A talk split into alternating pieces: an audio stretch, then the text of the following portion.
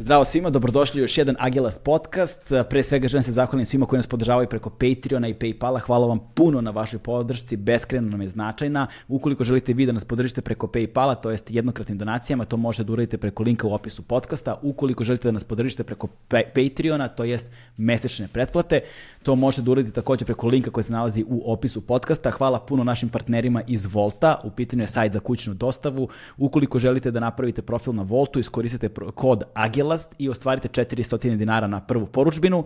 I takođe hvala puno našim partnerima iz Red Bulla, vaša podrška nam je beskreno važna, hvala vam puno na tome naravno. I ovaj, to bi bilo to što se tiče jel te, ovih servisnih informacija. Da pređemo na našu epizodu. Moja gošća danas je dugogodišnja prijateljica a, i ovaj, možda jedno od naših najboljih televizijskih lica. A, već više od 20 godina sigurno znate na sceni. Njeno ime je Marija Kilibarda. Razgovarali smo o svemu i svačemu, razgovarali smo o našim početcima, razgovarali smo o putovanjima, razgovarali smo o poziciji žene u, u industriji zabave, o karijerama, o radu na televiziji, o radu zapravo u javnom sektoru uopšte, a razgovarali smo naravno ne samo o pozicijama žena, razgovarali smo i o preduzetništvu, razgovarali smo o njenom biznisu, o brojnim temama koje bih teško uspeo i da izlistam sad sada sve što vam ostaje jeste da sednete, uživate i poslušate ovaj podcast. Hvala vam puno. Nasleđi gost, Marija Kilibarda.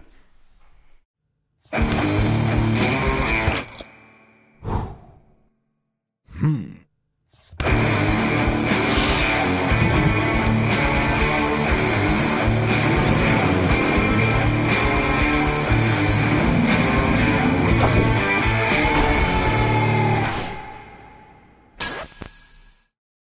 Kako ova testosteronska ekipa deluje na ženske goste, to me pa, zanima. Pazi, ja, ja ne znam koliko tebi ova ekipa uopšte deluje testosteronski. Za... U šta vam rekao? za početak, ovaj, nema, nema mnogo testosterona u ovoj prostoriji, znaš, a, s jedne strane.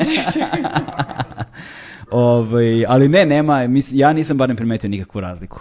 Posebno kada čovjek staje slušalice i kada razgovaramo, nekako te slušalice zaključaju u dijalogu, što je dobro. Da, ali to... njih dvojica nemaju u stvari. Ali ne, obraćam, da... ali ne obraćam pažnju na njih, ja, znaš. Ne, to je kao moj kamerman i kada vidim da već ono igraju sudoku za vreme moje emisije, to sve mi je jasno, jer oni su se naslušali, nagledali svega i svačega i uh, ispratili, dočekali brdo gostiju, zapravo sve ljude koji su se ikada pojavili na televizijama i kada vidiš da nakon emisije, kada oni ne drndaju telefon da. za vreme emisije, to znači radiš dobru stvar, jer redko šta će njima da drži pažnju toliko, znaš, tako da, eto. Marka uvostim nekad da drnda telefon, pošto nije sudoku? tamo. Sudoku? Sad je otkrio šah. A, dobro, iza leđe mi je, pa neću videti. On pa neće, neće me demoralisati. Neće, neće. Fazonu, Vojas mora se bavi kamerama, tako da ne može, ima tri kamere koje mora da hendluje sve vreme, tako da... Busy, busy. I da hoće, busy. ne može da piči se doku, znaš. Da, da. Ali drugačije je, znaš, na TV-u, uh, barem iz mog dosadašnjeg iskustva, obično su uh, likovi na smenama. Znaš, i ti studijski snimatelji su uglavnom na smeni, znaš, došao je, radi prvu, radio je jutarnji, mm. radio je ovo, radio ono i onda radi tebi, znaš. Pa znaš šta, ali da, ali ti u jednoj smeni imaš toliko različitih formata, znaš, ima da. tu prostora da ti budeš izvozan i da ti ne bude dosadno. Da. A je sada, razumeš, njima je stvarno sve to takav jedan dežavu, ono, dan mrmuta, tako, tako da ja je. mislim da njima, kada kamermana zabaviš ili zaintrigiraš da odslušaš čitavu priču i nečije gostovanje, onda si uradio pravu stvar. Ja ne. tačno znam kada meni moj čika Andro ne. kaže ovako ili kada nije pogledao u svoj telefon. Znaš, čika Andro je stara garda, da, da. više decenijski šef kamere, šef na kameru, ovaj, onda znam da, da je dobra stvar. Znači, da. Posebno kada dođu ovi naši mlađi. Hoćemo godinama danas, Galebe. Možemo i o tome ćemo, nemoj da brineš ništa. Čegorate, ima vodke ovde neke. Pazi, ima vodke, ovaj, hoćeš ti da donesem vodku? A? Ima vodke, donesi, brate. Eno, ima, ima, imamo, eh, imamo neku vodku. Moram da se uh, asimilujem sa situacijom i sa slobodom koju mi daješ ovde, jer ja radim na nacionalnoj frekvenciji i tamo dosta stvari mora i ukoliko se radi da bude skriveno, znači da. sve latentno onako Znaš, da, a da. ovde sada mogu da psunem. da, da, da. Ako mi dođe. može, može, možeš da psuješ, da. možeš da dičeš noge, možeš da piješ vodku, možeš da što hoćeš praktično. To je lepota ovaj, podcasta kao formata. Druga stvar kod podcasta kao formata kad govoriš o snimateljima jeste što ovde se svi ložimo na podcast, mm -hmm. kao koncept, razumeš? I onda nam je super, nemamo taj moment Ma ima bre, čekaj sad ću ja donesem. Ma daj ne prekidaj, nema. Kako? Čekaj. Maturi. Ima kako nema bre, denja Gde si gledao? Ste blesavi? U vratima. Ne, gal, rano je. Pre, mislim, rano smo počeli, ajde daj za pola sata. Ja. Nisi odbila na vreme, gotovo. Ja, kud predloži. Jedno belance sam pojela. Ima i leda i vodke. Ja. Ej, bre. Šta da mešam sa sokom, aj? Pa hoćeš da ćeš novi? Donesi još Ne, ne, jednu ne, čašu. sa sokom, neću čisto, ma kaki si bles. ne pijem, bila na nekom detoksu tri i po meseca, tako da... E, pa dobro, znaš. Kao bi, bila, dobro sam rekla, bila. A ti? A, pa sipaj Pa malo, brate, sad, sad, ajde. bože moj. I onako nam je ovo posljednje snimanje u ovoj godini, E. iako će se ova epizoda emitovati dosta kasnije. Dobro. Ovaj, sipaj slobodno. Tako da, evo, ćete vi, momci? Evo, Vojas, naravno. A, ajde otpi malo soka, zato što ćeš bit, imati malo vodke ovde. Mhm, ajde. Daj. Pa vidite, došla žena da vas usluži. E, dolazimo mi sad na Balkan. To, to, to. Drugari, imate sokove neke tamo, ovaj, pokupite, da ne ustajem ponovo. A da, imate vi sokove isto, super, da. Jel treba led? O, si... Čekaj, molim te, pokažem dozu koju Marija sipala. Pa dobro, duplo vodka. Čoveče, ovo je pola čaša. Dobro, ali ponudila sam i led. Nema veze, stavi tu negde, ajde. Čekaj. Koliko kockica? Pa na ovu dozu. Sipaj više soka, nemoj da se žališ. Hoćeš malo mog soka ovde iz čaše? Ne, imaju, imaju i oni isto. Dobro. Uzeli smo za sve. To momci da vas poslužim pa da počnem. Pa da, to.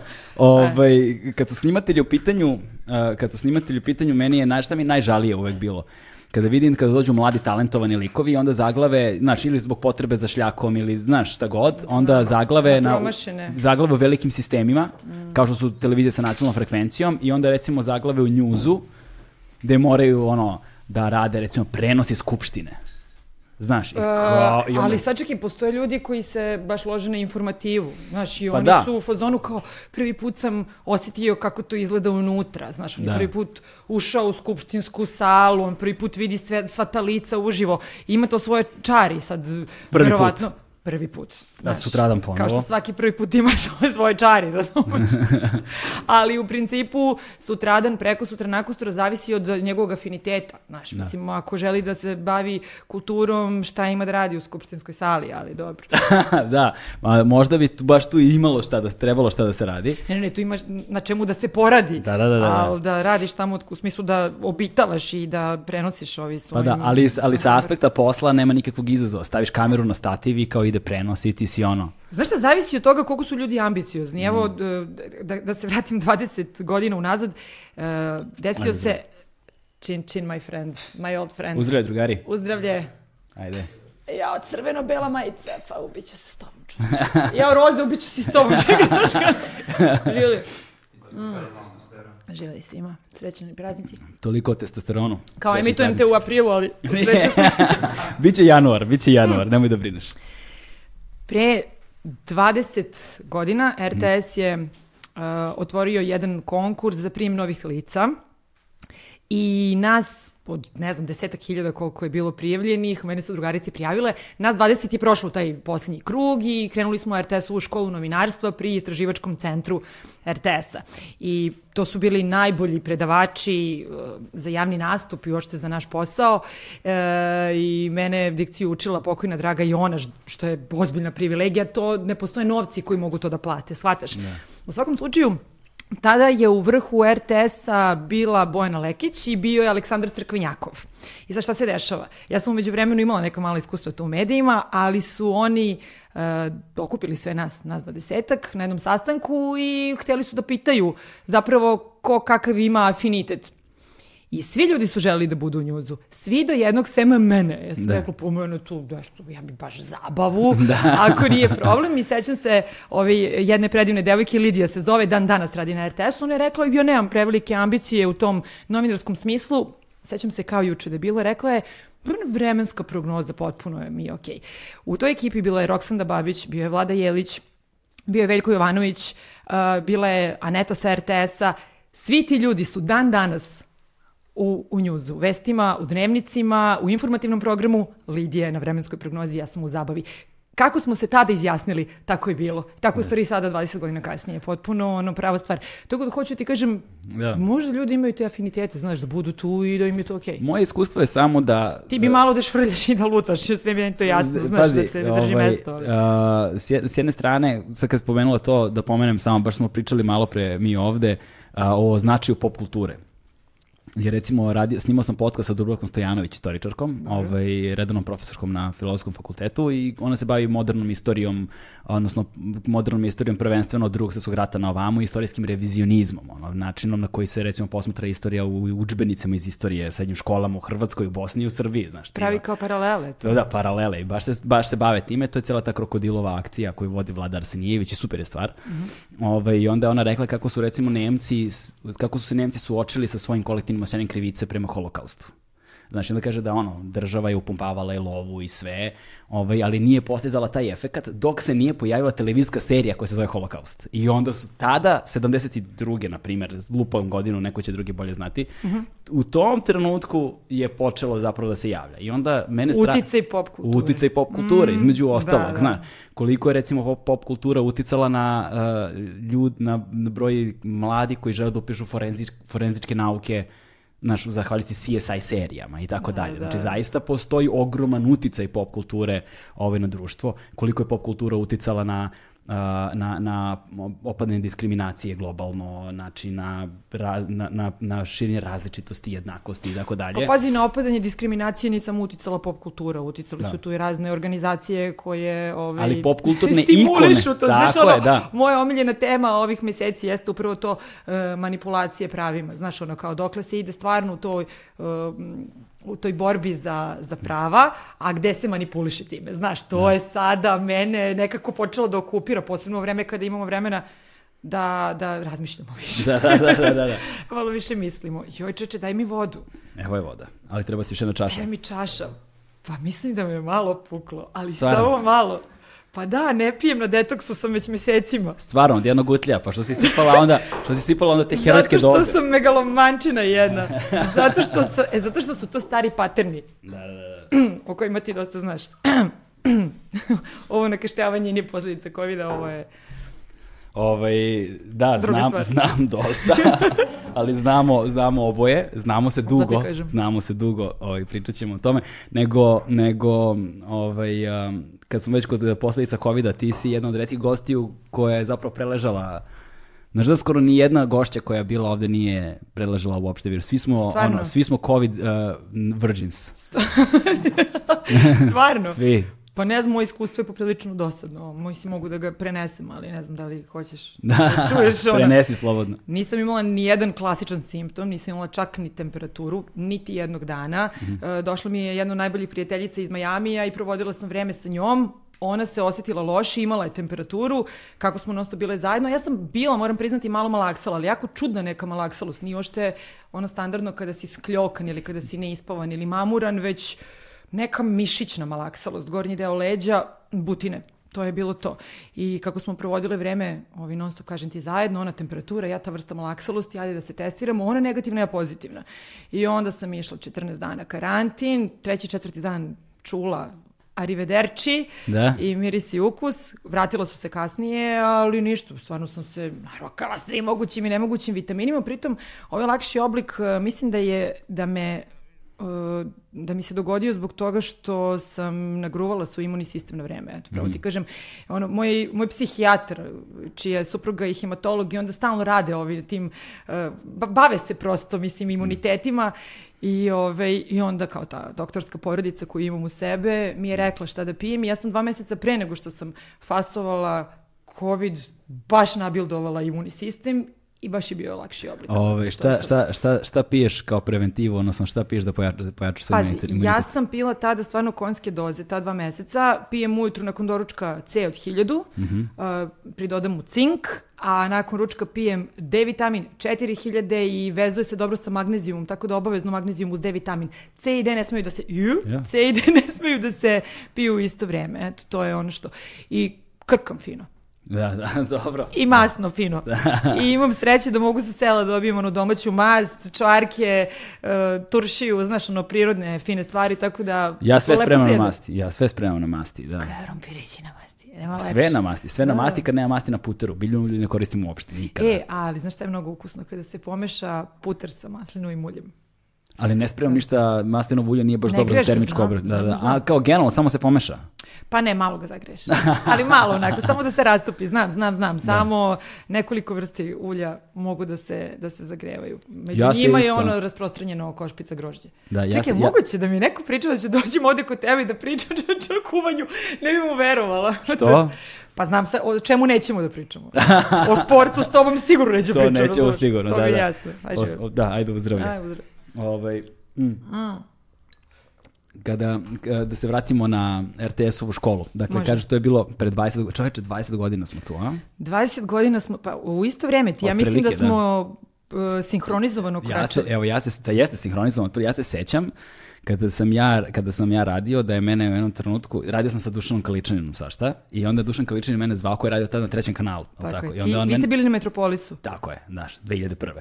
Da, Ove, I onda je on mene zvao, nešto smo radili, nek, on je nek, nekakva privatna produkcija je nešto bila i onda sam išao tamo, da li je to ona po, Miće Popović, ali kako se zove ulica na Dorčulu dole de... A, ne, ne, ne, ne, ne. Iz Đure Đakovića na levo. Tako je, tako je. A, bože, bože. Pa jeste. Svetozara Miletića. Ne znam Zora Miletića. Uh, ne, mislim da je... baš- Jeste, Vit studio Tako bio. je, Vid Studio je bio tu, tako je. Idi na Google, mislim da je Svetozar... Svetozar Pa dobro, nema veze sad, ali znamo naš, na šta To je mislim. to. Tu je bio Vid Studio i tu se snimalo na onom uh, chroma keyu na green screenu, Da. vas je bilo nekoliko, snimali ste emisiju koja je zvala Zoom. Jeste, to mi je prva emisija bila. Da, Sećaš se to? sećam se, kako ne. To je bilo vreme kada su postale popularne one emisije kratkog formata. Jeste. E se sećaš e, na, na Pinku je bio City. Tako je. City. Mi smo kao ovaj, kulturna verzija te kratke forme na trećem kanalu radile emisiju Zoom, 15 minuta svakoga dana i nas pet devojaka to Tako je, radilo. a 92 je imala Go Play Around the City.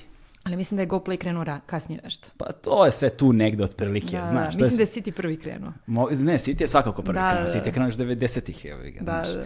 Ovaj, tako da, tako, Čoveče, sećam kakva se. emisija. Sad ti kažem nešto, to je vjerojatno najbezbrižnije i najbolje vreme. I tada smi, Jest. pa bili smo carevi univerzuma. Da. Znaš, pričali smo toliko puta, ti si prvo u svom društvu bio car svega, zato što si imao karte za sve manifestacije, za sve koncerte, e, za sva gostovanja, za sve premijere, filmske, pozorišne i mogu si da uvedeš koliko god hoćeš ljudi, mogu si da ne čekaš red ispred kluba, da se pojaviš u 1-2 kada je najveća gužva i da te prepozna Željko i da ovako samo pokaže, na primjer, i onda ti uvedeš celu ekipu, šepureće se kao paun, razumeš?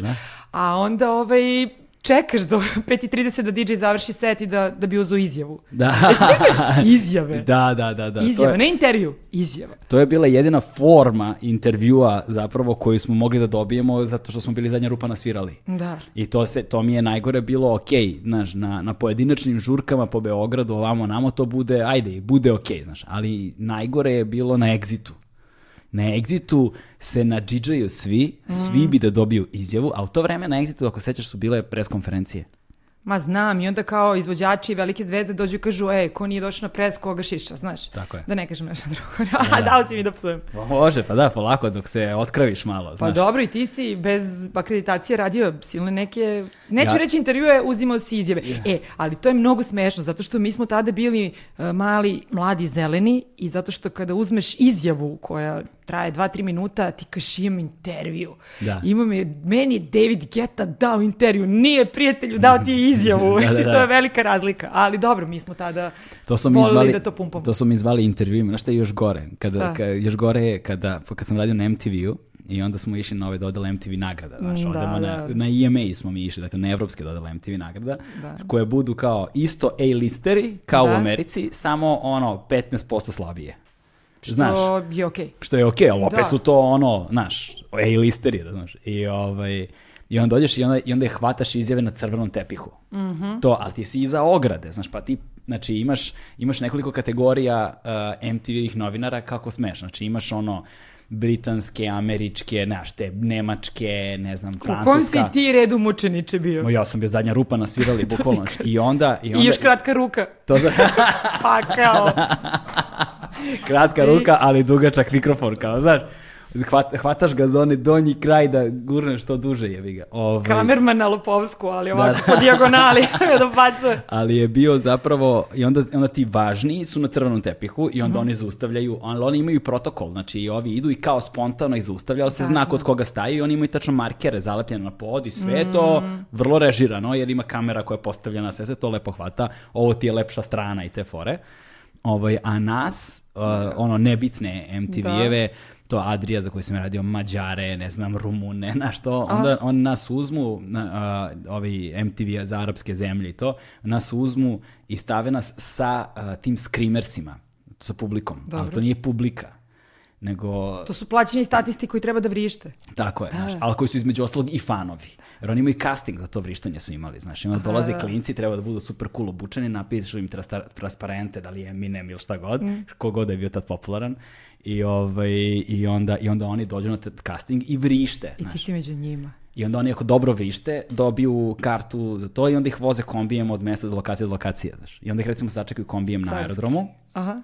i onda tamo vrište, pa se svičuju i onda kombijem, ovaj, o, zvezde idu okolnim putem, malo da ovi kombijem mogu da stignu na, negde na sred puta, pa tu vrište, pa onda ispred sale vrište, pa onda ih uvedu na crvenom tepihu vrište, razumeš? I onda si ti među njima.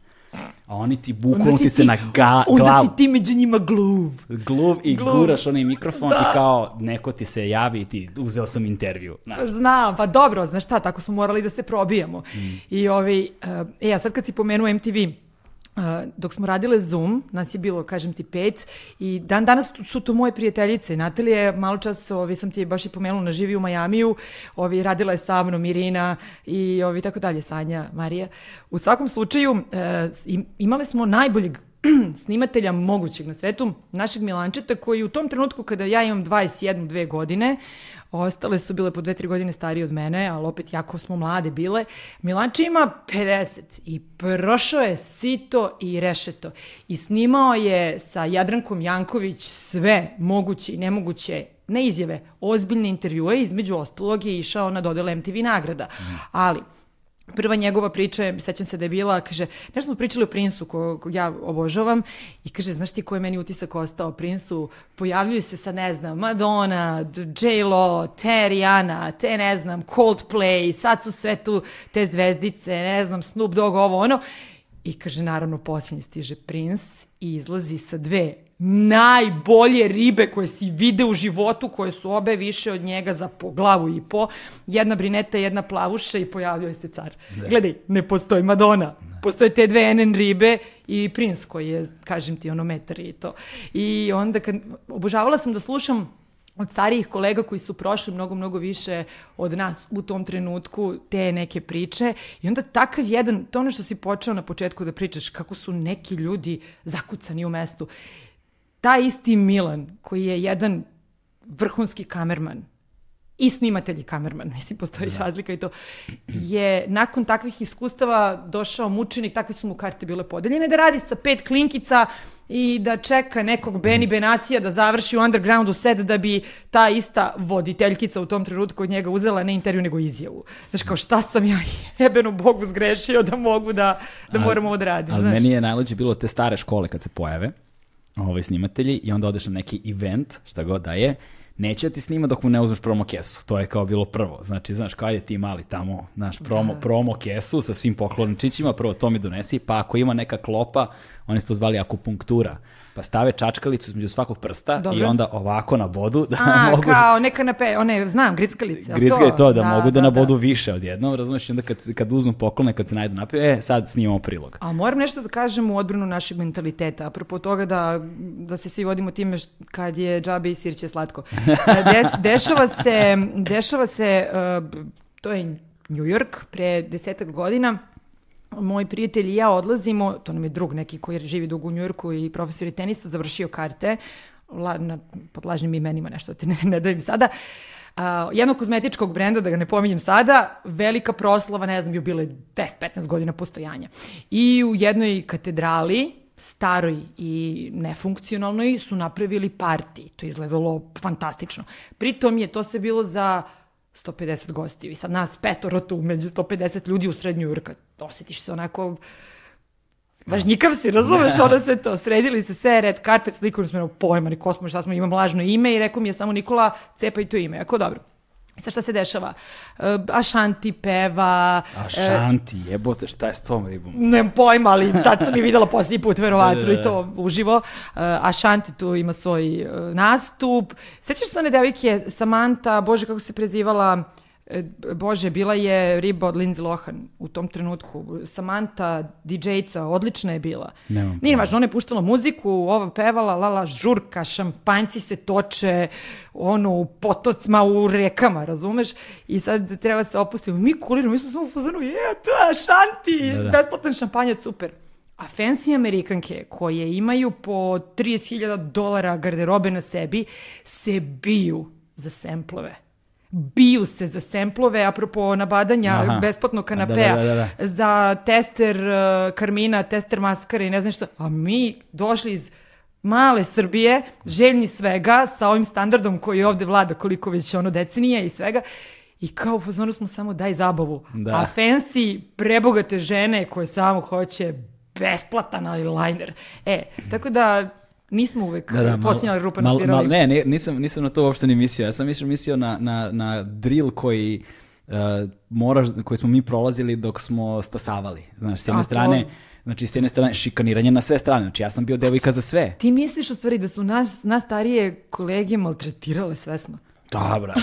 Znači, ne, znam za neke da jesu. Pa, ko rec? Pa sad ne mogu da ih imenujem. Ma ajde, šta bi sa slobodom ovog podcasta, da. care? Pa ne, sloboda podcasta, da, ali ono, znaš, dobri su, dobri su ljudi, učinili su im veliku uslugu. Ovaj, ali bili su ono koji su nas, znaš, tako drilovali, drilovali. Znaš, ja sad iz ovog ugla kad posmatram, vidim koliki smo klinci bili. Znam, da. Znaš, je, pa i kakva ne? nam je energija klinačka bila i nenormalna i luda i sad ideš s nekime koje ono 20 godina to radi i u fazonu je, znaš, mora da te drži na povodcu. Dobro, to Znaš, možda mor... nije loše. Pa, pa bili, bili smo divlji, buntovni da. i pritom rekla sam malo čas i, i složit ćeš se sa mnom, čitav svet je bio naš, mislim, mi smo radili za kikiriki, šta, naša nama plata bila 200 maraka, ali si ti bio car univerzuma, shvataš, da. jer si imao sve te ulaze i ufure u klub za džabe. da, u klubove i to po, po BG-u da, ali ti si bila u nešto boljoj poziciji jer si ti imala emisiju koja je bila na trećem kanalu. Pa dobro, ali... Ja, a ja sam bio na ono, mi smo se videli tri ulice oko Terazija, razumeš? Dobro, ali Metropolis svi su znali. Da. Pazi, za, to je neverovatna stvar da je Metropolis imao tako malu pokrivenost, a da su svi znali za brend. Znaš, to je stvarno velika je bilo, stvar. Da što je bilo divljaštvo. Bilo ozbiljno divljaštvo. E, ne, ja mislim da je Dušan to. Da zato što je Dušan da su svi znali Kaličaninu u tom trenutku. E, ti bio Dušan ovde? Nije, njega planiram da zovem. Ti već moraš dušan da zoveš. Da, znam, moram, moram. Tehnokratija, moram. čekaj kad se ljudi budu setili, razumeš, ta kultura, mislim, on je začetnik, stvarno, ono... Jedan od pionira, svakako. Pionira, da. stvarno, ovde u, u Srbiji. Ja, Dušan Kaličanin je mene bacio u vatru. Ajde mala ti na teren. Molim, šta je teren? Šta, šta to znači? Kao, znaš, i poslao me da radim prvi prilog. Nisam znala šta je košuljica, šta je voice over, e, šta je premijer. Mi smo smo premijeru montirali tada, ne znam da, šta da. je bilo. Pa sad se ponovo montirao premijeru. Stvarno? Pa jedno vreme je, znači, premijer je bio tada i onda se tamo početkom, sredinom tih 2000-ih je Final Cut postao bio Mekov. Da, da, da, da, da, da.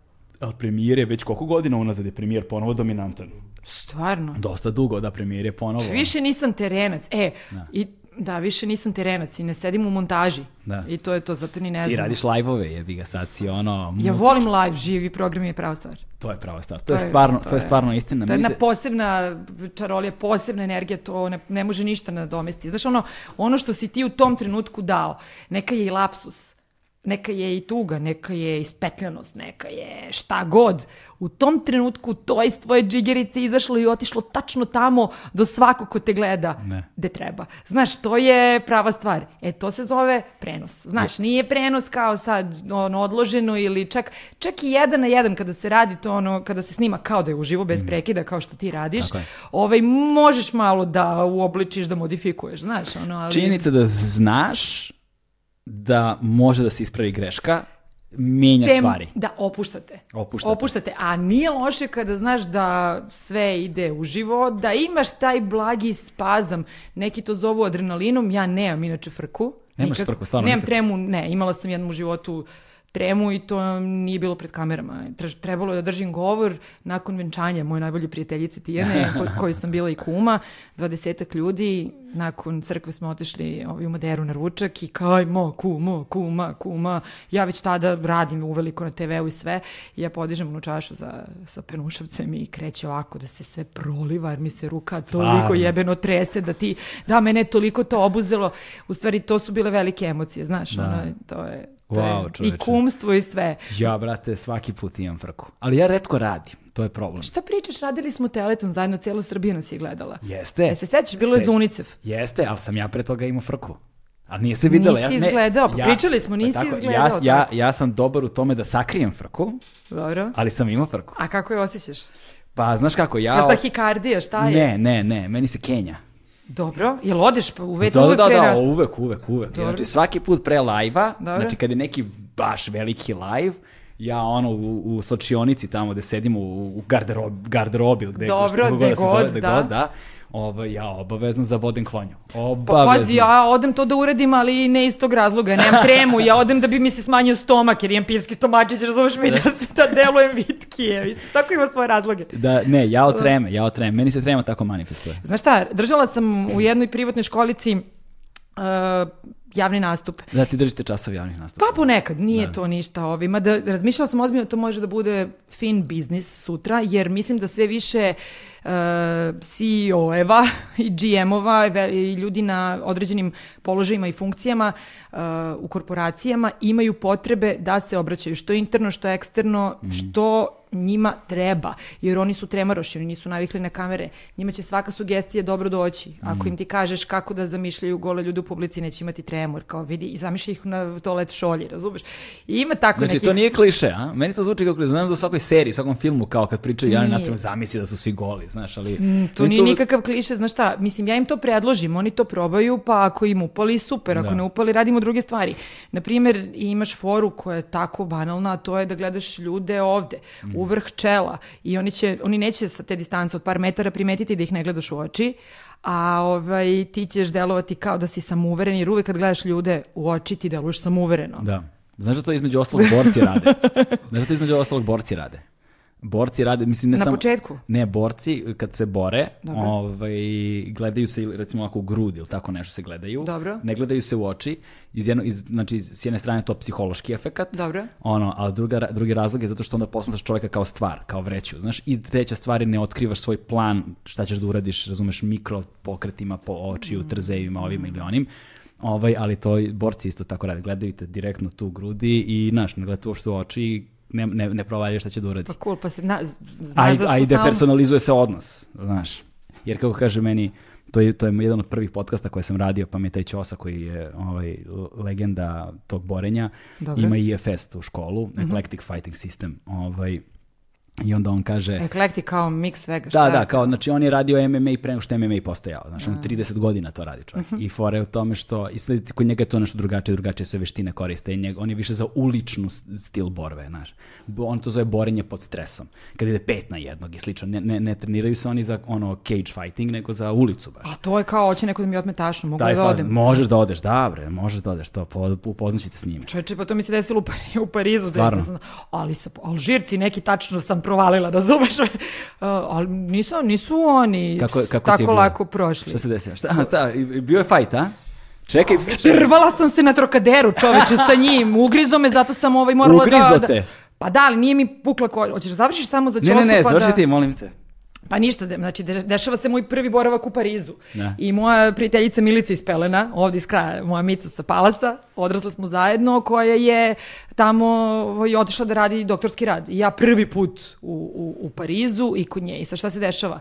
Prvi dan. A pritom, ja sam pre toga bila u Beču, uradila sam jednu veliku tezgu u našem poslu, ko ne zna šta je tezga, to su one gaže, što kažu, gde mi kao moderatori radimo razne ove vrste evenata, da tako kažem. U svakom slučaju, ja sam radila za jednu veliku osiguravajuću kompaniju koja dela i na prostoru Balkana i uh, super je bila kinta i stvarno je bio veliki posao. Gloria Gaynor pevala, znaš, ono, kao nismo mogli da je probudimo, bio toliko sobe znano alkohola trebalo da izađe, su i razvaljivali hotelska vrata, to je vrata od hotelske sobe. Eto, zašto je, to su stvarno neke priče koje da ne radimo ovaj posao nema šanse da bi doživjela. Da. Kasnije i pričala. I uzela sam super neku kintu u tom trenutku za mene kao kuća veliku i budala keš ostavila u novčaniku i Pariz koji poznat po, mislim, lopovluku i po tome da mogu da te presretnu, mislim, bilo gde i da ti otimaju šta god im padne na pamet. Ja sam to potpuno zanemarila, sam bila fascinirana samom činjenicom da sam ja prvi put u gradu svetlosti. I šta se mm. dešava? E, 12 pola 1, mi kroz Trocadero, meni tašno ovako preko ove, lakta, polu otvorena, ja tako, tako nosim. I ja prvi put vidim osvetljen Eiffelov toranj Ja prvi put u životu to vidim uživo. Vadim telefon da slikam i samo osetim udarac sa leđa. Bam! Do koji me odbacio neka dva metra napred i nema mi tašne. E sad, Situacija pre toga je da smo Mica i ja našli neki super bar kod Luvra gde smo se odvalili od Bordeaux nekog mm. i kao sad daješ sve te pare, razumeš, na, na francuska vina. I ja sam bila malo malo pod gasom. Da. Verovatno me taj gas odradio dovoljno da ja budem luda da krenem da jurim tu dvojicu. Jedan mi je to tašno, ali su njih dvojice trčala u kontrasmeru.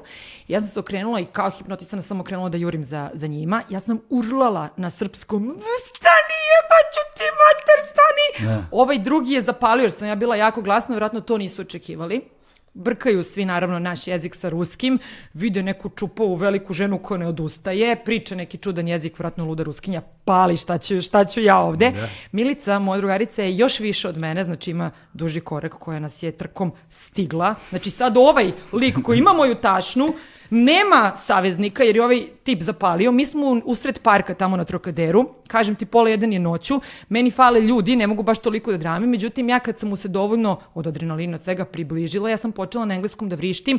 Daj mi tašnu, daću pare. Daj mi, samo sam to ponavljala. U jednom trenutku je shvatio, krenuo se video ludu brinetu, ludu plavušu, stižu ga, Orta ga napustio. Daj da stanem, razumeš? Da, da, da. I on je stao jednom trenutku izvadio novčanik jer mi je tašna bila otvorena, bacio tašnu i krenuo dalje, ali sporije. Aha. A ja sam u naletu ludila, pokupila tašnu, došla do njega i skočila mu na leđa. Stvarno. I onda je on krenuo, Mica je već stigla, sam čula da ona blizu, jer mene prijatelji iz osnovne škole iz kraja tu zovu Kili dan danas. Kile, Kile! Ja čujem da je ona blizu, tašna mi je tu, ja sam na njegovim leđima, pa što me tiče, ja sam ono, da. sve.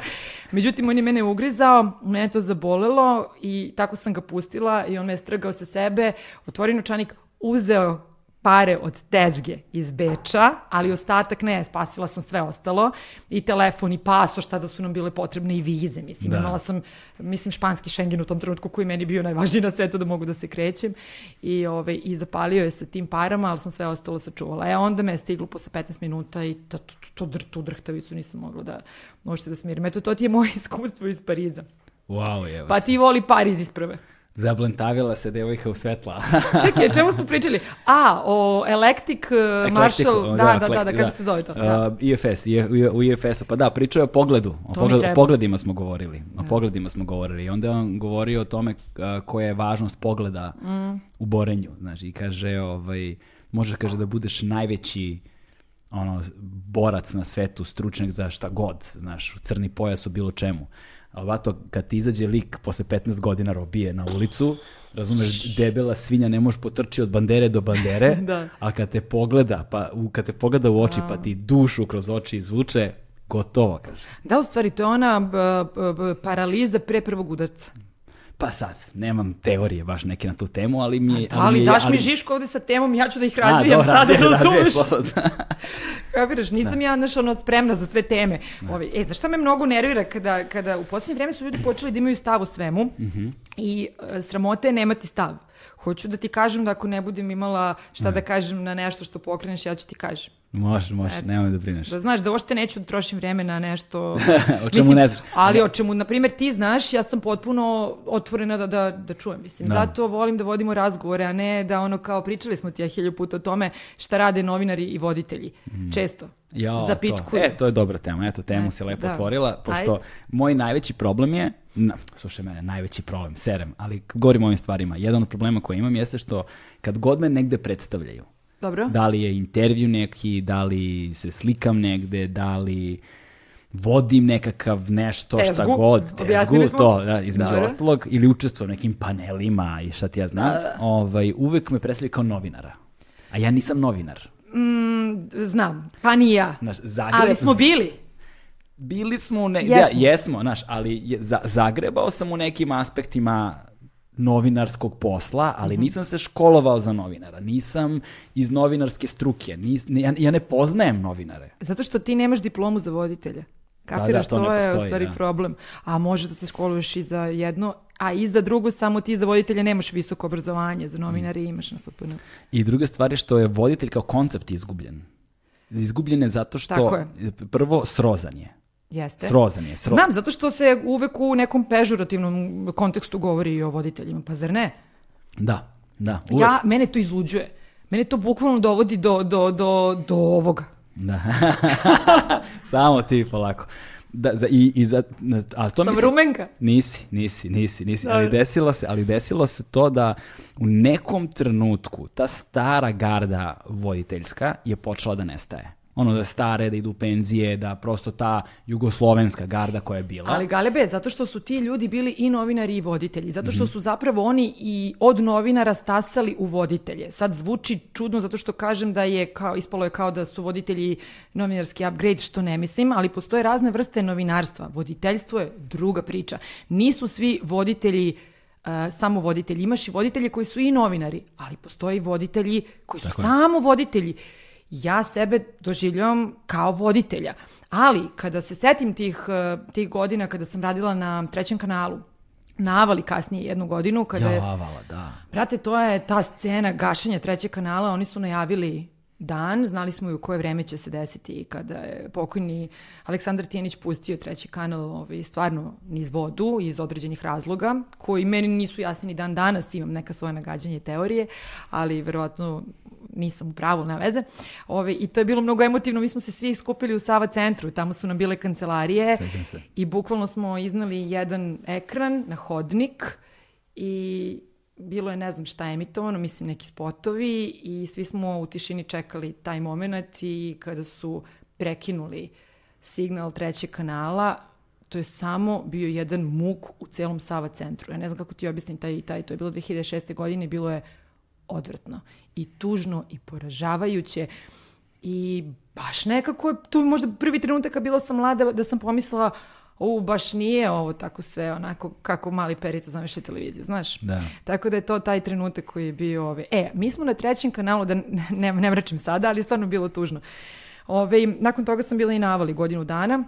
Oni su dobili nacionalnu frekvenciju. U svakom slučaju, u tim godinama Trika i Avale, ja sam birala teme, išla na teren, rad, zakazivala razgovore, pripremala se za njih, montirala ih, pisala voiceovere, podlačila muziku, birala sve to, sedela u montaži, to rade no, TV novinari. Znaš, uh, pisani novi, mislim, novinari koji rade u pisanim medijima, sve to isto rade bez kamere, mislim, to je to. Ti sve osmišljavaš i biraš temu i tako, mislim, ako radiš u nekom slobodnom mediju, biraš temu, razumiješ šta.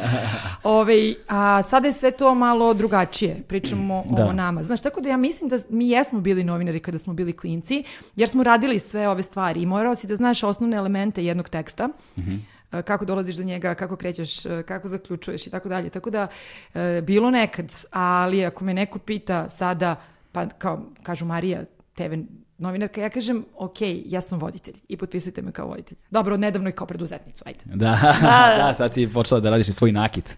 Dobro, pusti sad, daj ovu priča- priča- priča, da, baš me da, ovo da, sad znaš. ovaj, meni je, meni je, e, zato što kada se kaže novinar... Oni ništa ne piju, ništa. Ma piju bre oni bre, nemoj da... Piju si u pravu sa testosteronom, nema ga. Marko, Marko ima slušalice tako da te čuje sve što govoriš.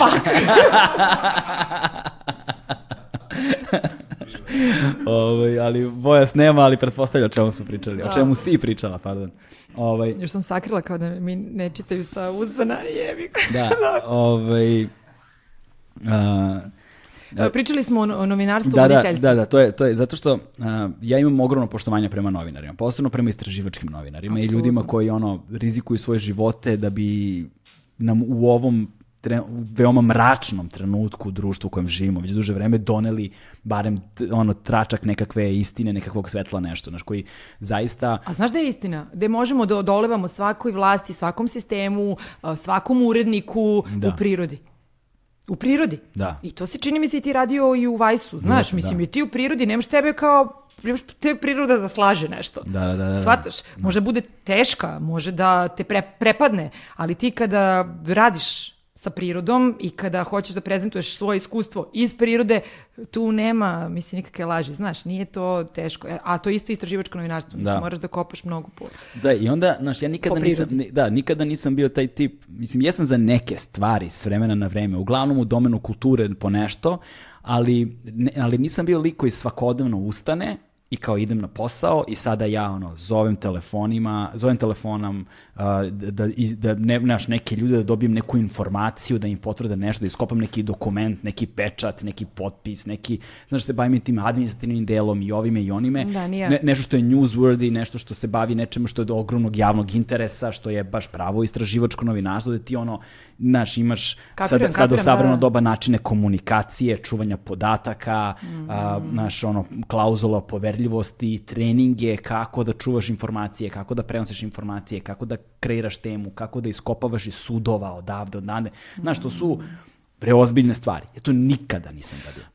Ja se najviše na svetu divim ljudima koji to rade Da. i to ono što si ti malo čas rekao, huge respect za upravo za njih, ali ja ne mogu sebe da zamislim u tome. Dobro, ja sam i malo druga, druga da, da. sfera, znaš, Da. ono, meni baš zabava, Da, da, to. moj fah, znaš, ali nemaš u zabavi baš toliko toga. Da. Međutim, kada radim emisije poput ove koju radim sada na prvoj, to je dnevni magazin kolažnog tipa gde imamo mnogo životnih priča, Mm. ljudi koji nisu poznati i tako dalje i ti moraš koji, na primjer, se bore sa invaliditetom, pokreću neke humanitarne akcije, e, spajaju se sa prirodom, pa ne znam, pričaju o tome kako su, ne znam, pripitomili lisicu, stvarno ima svega toga, znaš, što je interesantno.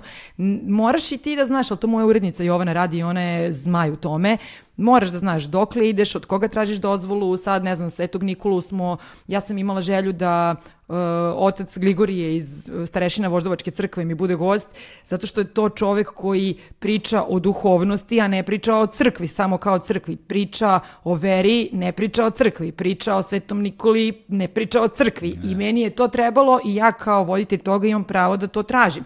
Ali, određeni protokoli, dozvole Srpske pravoslavne crkve koji moraju da nam budu izdate da bi on uopšte smeo da gostuje i tako dalje, to radi, na primjer, moja Jovana. Znaš, ja bih izludela, posebno ako bi neko krenuo da mi mlati nekim papirima i da me gura u birokratiju, stvarno bi, brate, bila neprijatna.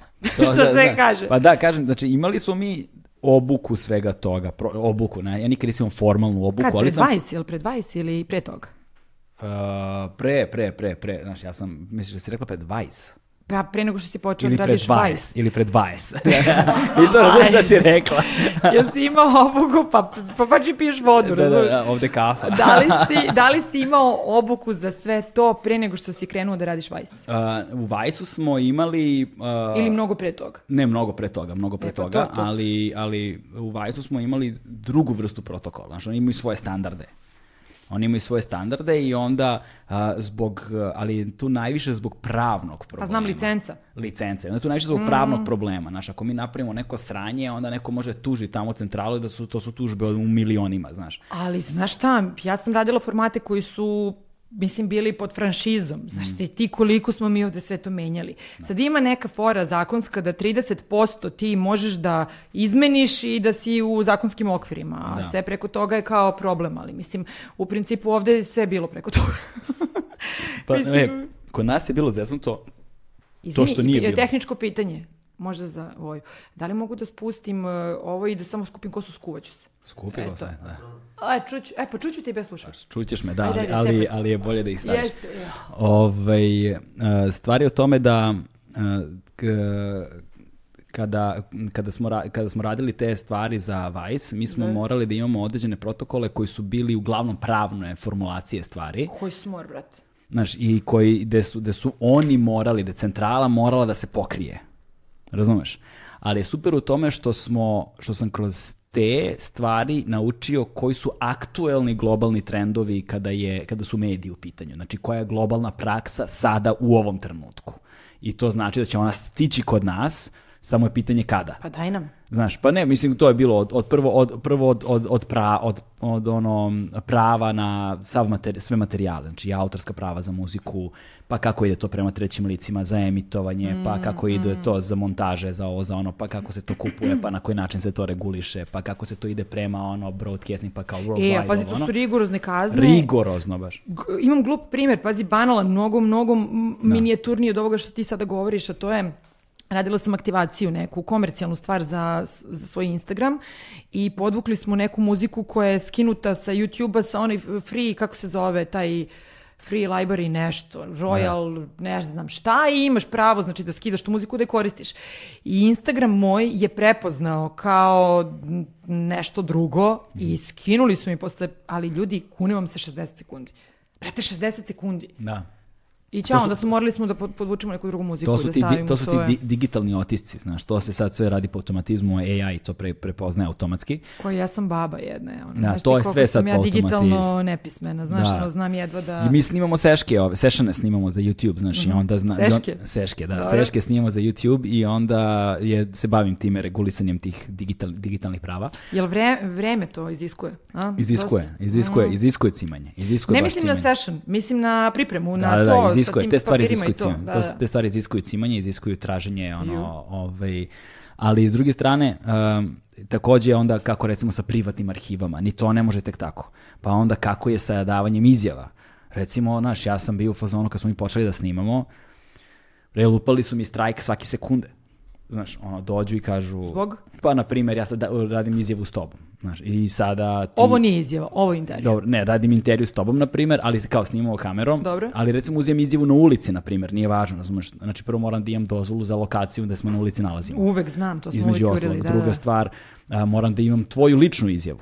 Znači da ti daješ saglasnost, ovo ono. Ili, da, za to, a onda nakon snimanja odobrenje da može da, da ode u etar. Da, i tako, i i to, to, to da. sve, ali onda, pa i sad ovo, svako ko ti se pojavi u kadru, prođe ti kroz kadar, svaki prolaznik Možda koji- pravi problem. može ti pravi problem. Mm. Ti moraš svakog prolaznika koji ti uđe u kadar, moraš da cimaš, moraš da imaš, to, je taj, to su ti uh, field produceri, dakle na terenu, koji moraju da onda cimaju, ej, izvini, bio si u kadru dve sekunde, moraš podatke da daš dozvolu, inače mora snimamo ponovo taj kadar. Može da te cima. Kad je radiš za globalni brand, ljudi ako sebe vide u bilo kom trenutku pod logotipom nekog globalnog brenda, oni već vide novčanica u glavi, znaš, to je, a da nisu dali dozvolu. I onda imaš te produkcione style guide-ove, znači te uh, kao um, um, smernice za snimanja. I onda recimo kako snimaš ljude u javnosti. Recimo uzimam tvoju izjavu, pa onda na primjer ako biram Knez Mihajlov, biram deo Knez Mihajlova gde se ljudi idu suprotno od nas, pa kada te snimam im vidim leđa. Znaš, pa im vidi, i tako, znaš, kao kako se gu- mašte snimaju, pa onda kako se hvataju kadrovi da se ne vide jasno lica, pa, da nema dubinsku oštrinu. Pa. Mnogo je lakše u studiju, znam na sve Ma da. to jeste, jer kad se postavi jedno, mislim, teško je da se postavi ceo setup, da, i svetlo, i ton, i Mm. um, scenografija i tako dalje, ali kada se postavi to je zabud i tu se priča završava, a terenski radi uvek teži. Ali znaš šta je fora? Ja, ja, veoma mi je teško da objasnim ljudima koji ne rade na televiziji, koji nemaju televizijskog iskustva.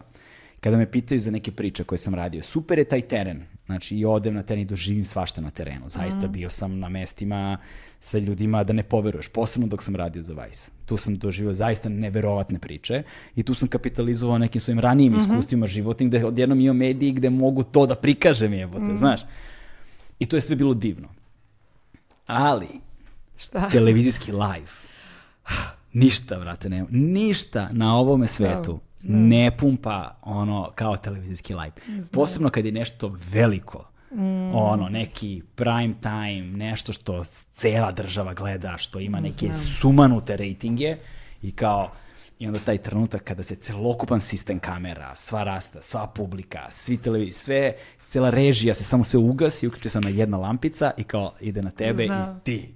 Wow. Taj Znam, moment. to je sad, sad pričaš i ja osjećam, ja, ja osjećam taj, taj vibe, to je potpuno, to je potpuno magično. Znaš šta, ja sam radila takve emisije i formate i to su najveći komercijalni show programi, poput Tvoje lice zvuči poznato. Pardon. Slobodno, slobodno. Ali, uh, znaš šta je neverovatno? Ti misliš da si usamljen u tom osjećaju kao host, jer si ti, mislim, na velikoj sceni i sve oko tela. Veruj mi, svako u tom studiju ima taj isti vibe. I ti ljudi u publici, to što si rekao, ti skrimeri, ti ljudi koji da. su plaćeni da budu statisti, ne, oni su delirijumu, jer oni znaju da će tetka da ga vidi, mislim vidjet će ga tetka, razumeš, on u tom trenutku pa će mu stići poruka. Da. Uh, izaći će njegov omiljeni pevač uh, za koji minut ispred njega. Znaš, svi su u tom vajbu, kamere znaju da ne smeju da kiksnu, razumeš me, jer je to sve otišlo live. Znaš, da. sve, e, takva energija kad zacirkuliše i kad se zavrti u tom studiju, to je taka, ma kakva etona, to je sto da. vulkana. Da. Znaš, tako da ta, to što pričaš tačno osjećam svako slovce koje si izgovorio, da, da, da. to je ne, neviđena stvar. I, znaš. Onda, I onda ima taj trenutak kada live počinje. Ništa nije isto, znači, live... Samo da uplivaš. Samo da uplivaš. Kada Znam. uplivaš posle prvih 5-6 minuta, to onda ide i to je vožnja. Ali A ta... ti znaš da postoje ljudi koji slušaju sada tebe i mene i koji imaju neprijatiju od fotoaparata, kamoli od kamere, i ti kapiraš da, da se oni sada znoje dok slušaju ovo. Nema sumnje. Zato što, post, veruj mi, postoje ljudi koji su... Ne postoje ljudi Znaš, koji... zato, zato što imamo tog iskustva, e, meni je samo... Ne, ja bih, blokade ja, ozbiljno Ali ja bih zaista voleo kada bi svako na ovome svetu mogao da iskusi kako izgleda taj trenutak. Da.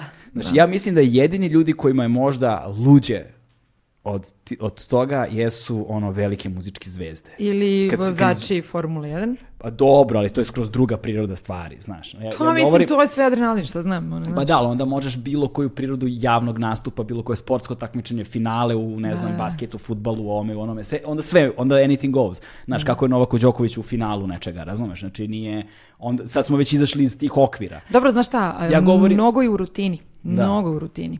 Znaš, ima, ima i toga. E, to je jedina stvar koja meni pomaže kod jednog nastupa. Vežba, vežba, vežba, vežba. Mm. Kada radimo ono generalna proba, pa šest generalnih probi ako možemo da imamo, kad ja znam kad sam sišao da, ja kad znam, kada trenutak, kada, kada, kada treba tekst da se izgovori, a ja ga već imam, kao da mi se loadovo u glavu. Znaš, kao da sam ga učitao i već ga imam u glavi, da mi ne treba ništa i da mogu do zapete da ga izgovaram na pamet.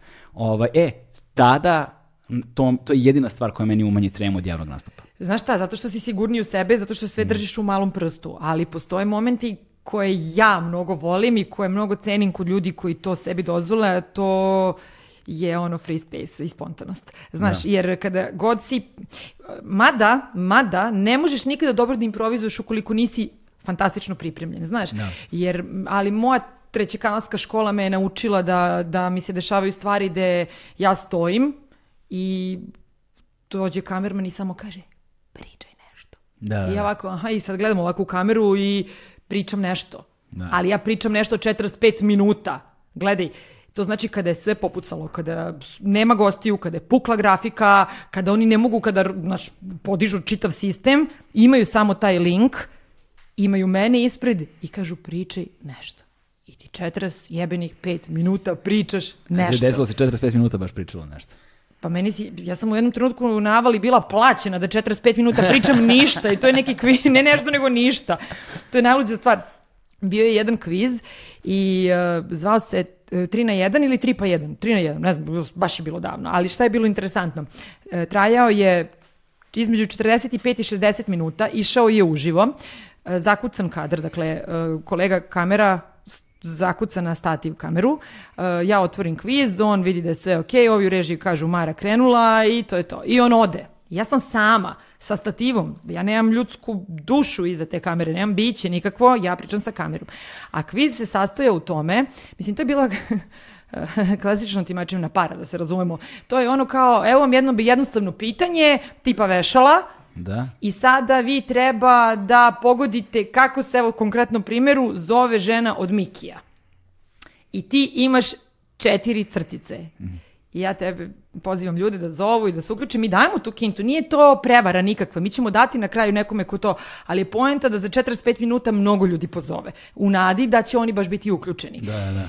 I oni zovu i zovu i zovu. Ja 45 minuta, pošto nikog ne uključuju, pričam. Šta 45 minuta matori pričati o tome kako se zove žena od Mikija? Da, da, da. I šta pričaš? Pričaš ovako. Pomoći ću vam. A, njeno ime od imena Miki se razlikuje samo u jednom slovu. I ti si kao njima dao neko meso za tačan odgovor. Onda pričaš nešto o crtačima, onda pričaš nešto o ušima, onda pričaš nešto, ne znam, o šta, ne, ne, kapiraš? Da, da. Ja ne znam šta ja pričam 45 minuta. Na kraju oni uključe izvesnu Ljiljanu, gospođa, neću je nikada zaboraviti, pazi, pritom to je 2006. Yeah. I sad ja imam neki papir i tu neki pult koji stoji ispred mene i papir i olvuku i crtam zvezdice i mesece i laste i nešto žvrljkam, jer čekam, jer ne znam više šta, jer pričam po defaultu i vrtim, razumeš, yeah. i žvrljkam. I Ljiljana se javila i kao, dobro veče, dobar dan, Ljiljana, ko je sa nama Ljiljana? Dobro veče, Ljiljana, kako ste? Odlično sam. Jeste spremni? Jesam, ono tipa, nagrada sa 5 soma dinđi i porasla na 45. I ti sad za 45.000, stvarno, reci, brate, kako se zove žena od Mikija. Yeah. I žena kao, jeste spremni? Ja sva ono, a, kao živnula, ono još kraj, još malo i kraj.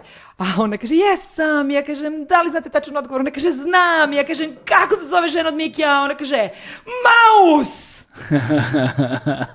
ja uzem onu olovku kojom sam žvrljala taj jebeni papir i gađam kameru. Kako Maus, gospođo? I uleće kamerman iza kameru si normalna, si normalna. A to sad se pojavio snimatelj. ta, to ti pričam, razumiješ što sam ja izgleda pogodila olovkom kameru i ta kamera se pomerila i sad kadar nije bio centralni, nego je bio ovako pomeren. Da, da. A čekaj, bio krupan, krupan kadar ili... Pa neki kao American, ali se ja donji A... deo tela mi se nije vidio zašto je tu bio neki pult, razumiješ? Aha, da, da, da, da. Ali krupno, da, poprilično. Da. Da, da, da. Tako da, u principu, jedna uh, bluda priča, ali trećekanska škola, gledaj. Pazi, dobro, je, dobro je da nije bilo društvenih mreža u to vreme. Znam si kak, kakav, kakav bi to sad na YouTube-u imalo miliona Dan, pregleda. Dan danas moje. Pa vidiš, mogli bi to da nađem, da se smijemo malo, čoveče. Ajde. Pa ja sam poludela. Mene je ona izvela, gospođa Ljiljana, izvela iz takta. Pa, znaš da nije pravilno da se kaže gospođe po ime, nego gospođe po prezime. Znaš, da. ne znam to. Ne, ja sam ne sad upravo pogrešila, da. Da, da. I, neka, i ja sam neka voditeljka. Da, da. Um, Ljiljana je omanula, izgubila kintu, mene iznervirala, ja sam bila iz fazona kako ovo može, kako može da se desi, jel me slušaš, penim ovde 45 minuta, da, vrtim da. istu priču, ono, čemu se radi? Ja bih rekao uspešan dan. Od svih iskustva to si upamtila, tako da na kraju ipak to nije bilo tako loše, znaš. Izula mi scipala, kako da, kako da ne upamtim, shvatiš ono. Jo, bože, strašno treći. Pa? Ovaj, A čekaj, o čemu smo pričali? Nemam pojma, nije, nije, nije ni važno, ali ta avala je bila fascinantna. Ali recimo, znaš, taj, ti live-ovi, dobro, ti si se do duše navikla, ali da li, ti je, da li ti je bio neki trenutak nekog live-a baš, baš zajeban? Pa kako nije, znaš šta, imaš uh, finale da li... TLZP-a gde moraš da... Uh, softver prikuplja glasove, oni glasaju. Sad mi imamo tu ko će pobedi Kinta u igri, te pare treba da se daju na pravo mesto. Ti moraš da imaš, to je toliko elemenata. Znaš, ja poludim kada, kada čujem kao, ma, pje, šta ona, ona se sredi, ne ja kao Marija, nego ja kao voditeljka, i da. što važi za sve ostale ove voditelje, a šta, oni se srede na šminku i stanu pred kamere. Molim, znači, taj, to, to ludilo koje da. se, koje iziskuje te pripreme, to što smo mi samo jedna mala alka u čitavom tom lancu i ja nisam tu najbitnija. I tu je reditelj koji je meni Biblija tu je scenarista koji mi pomaže kada ja zapnem. Znaš, koliko god ja imala reči da. o sebi i mogu svašta da ja izgovorim i to u jako kratkom vremenskom roku jer brzo pričam, postoji mnogo ljudi koji ti olakšavaju šta ćeš da pričaš i daju ti meso i sadržaj šta ćeš da govoriš. Ponekada te malo usmeravaju na koji način i razgovor. Svi su oni nama uvetu. Ja sad imam, ne znam, četvoro ljudi u žiriju, imam 250 ljudi u publici, imam brdo kamera, 8-9 kamera, kranove, imam odgovornost prema 2 miliona ljudi koji mu u tom trenutku gleda, imam odgovornost prema sebi, da budem okej, okay, i ja sve to treba da povežem. Imam desetoro takmičara. Da. Znaš ti ko je to ludilo? Da ja sada treba da budem link između žirija, između takmičara, između žirija i publike, između uh, takmičara i publike, između sebe i svih njih i između sebe i publike koja je ovaj, pred malim ekranima. To je jedno potpuno ludilo. I desi se, na primjer, da, e, na primjer, taj neki softver koji broji glasove, na primjer, konkretno za, za te ulazak u finale ili za pobedu, nešto zabaguje, pa onda kupuješ vreme, pa onda opet pričaš, ali hvala opet školi trećeg kanala što to da. mogu da radim i što sam za to sposobna i što nemam frku od toga, malo se da ti priznam i palim na to. Da, da, da, da. Imam nešto to malo mazohitičke sebi. A onda ti pogrešno kažu u inir, Ja. I onda ti kažeš, i gledaj, jedan prosječan gledalac nema predstavu Niti da ti nisi kriv. Ne zanima ga, sine, ova voditeljka je pogrešnu stvar rekla, ona je kriva. Da, Shvataš? On, ovaj debil, glupača, kreten, da. Šta sve To, nisi. to obično bude, Šta znaš. sve nisi, Znaš, kamo sreća da kažu ona je kriva, znaš. Ne, ne, ne, ali znaš šta, i, i naše je. Jeste. E sada, šta se dešava? Ja nemam problem s time da mi pogrešimo. Ja ne mogu nikome da objašnjavam da sam ja dobila drugu informaciju. Tu si, gde si, ideš uživo, čupaj se kako znaš i umeš. Zasuci sada i rukave i nogavice i cepaj dalje. A ne da se pravdaš. Nego, dobro, imam... I pritom živi program. Ne treba nikada bežati od onoga e, okej, režija, šta je sada ono, jel smo išli levo, desno, šta, kako, znaš, to je živa stvar. Da. Ma daj ljudima to da vide, znaš, ne da bi se opravdao, nego da bi ti mogao da nastaviš dalje kako treba. Eto, to je negde, ovaj, Da, to su da. moje iskustva i imala sam, znači, proglasila sam pogrešne ljude da su ušli u finale, mislim, Da. to su ozbiljne bagovi, pritom, gle, oni se poraduju, Evo, a onda treba da im kažeš ćorak. Ćo- I neprijatno ljudski ti je ono neprijatno, nije to sad profesionalno neprijatno, Da. nego ljudski. Pa to su paklići, znaš, Da, da. ima, bilo je svega, meni je baš pre neku nedelju sve puklo u emisiji i to dva, tri minuta pre lajva, jednim subotom od jedan uživo. I sada, u principu, moja publika su žene, jer radimo to malo recepti, malo neki savjeti za, ne znam, cveće, za ovo, la, la, la, ljudski primjeri neki iz života, e, deci se posvećujemo dosta, psihoterapijama, svim u stvari granama medicine i tako dalje. I uglavnom su mi ovi publika žene. I nekako žene, verovo ili ne, sad možda ću i ja sebe da iznenadim ovim što ću reći, ali sad sam to shvatila, žene lakše praštaju.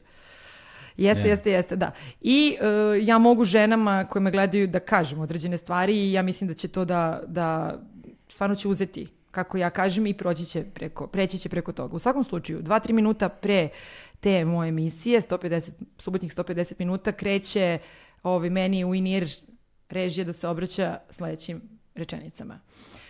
Maro, hedovi nisu podignuti, moraš sve iz glave, nećete ništa pratiti, ne dolazi nam prvi gost, ne dolazi nam ni zadnji gost, nismo podigli ne znam šta i pukla nam je grafika za ovaj drugi segment.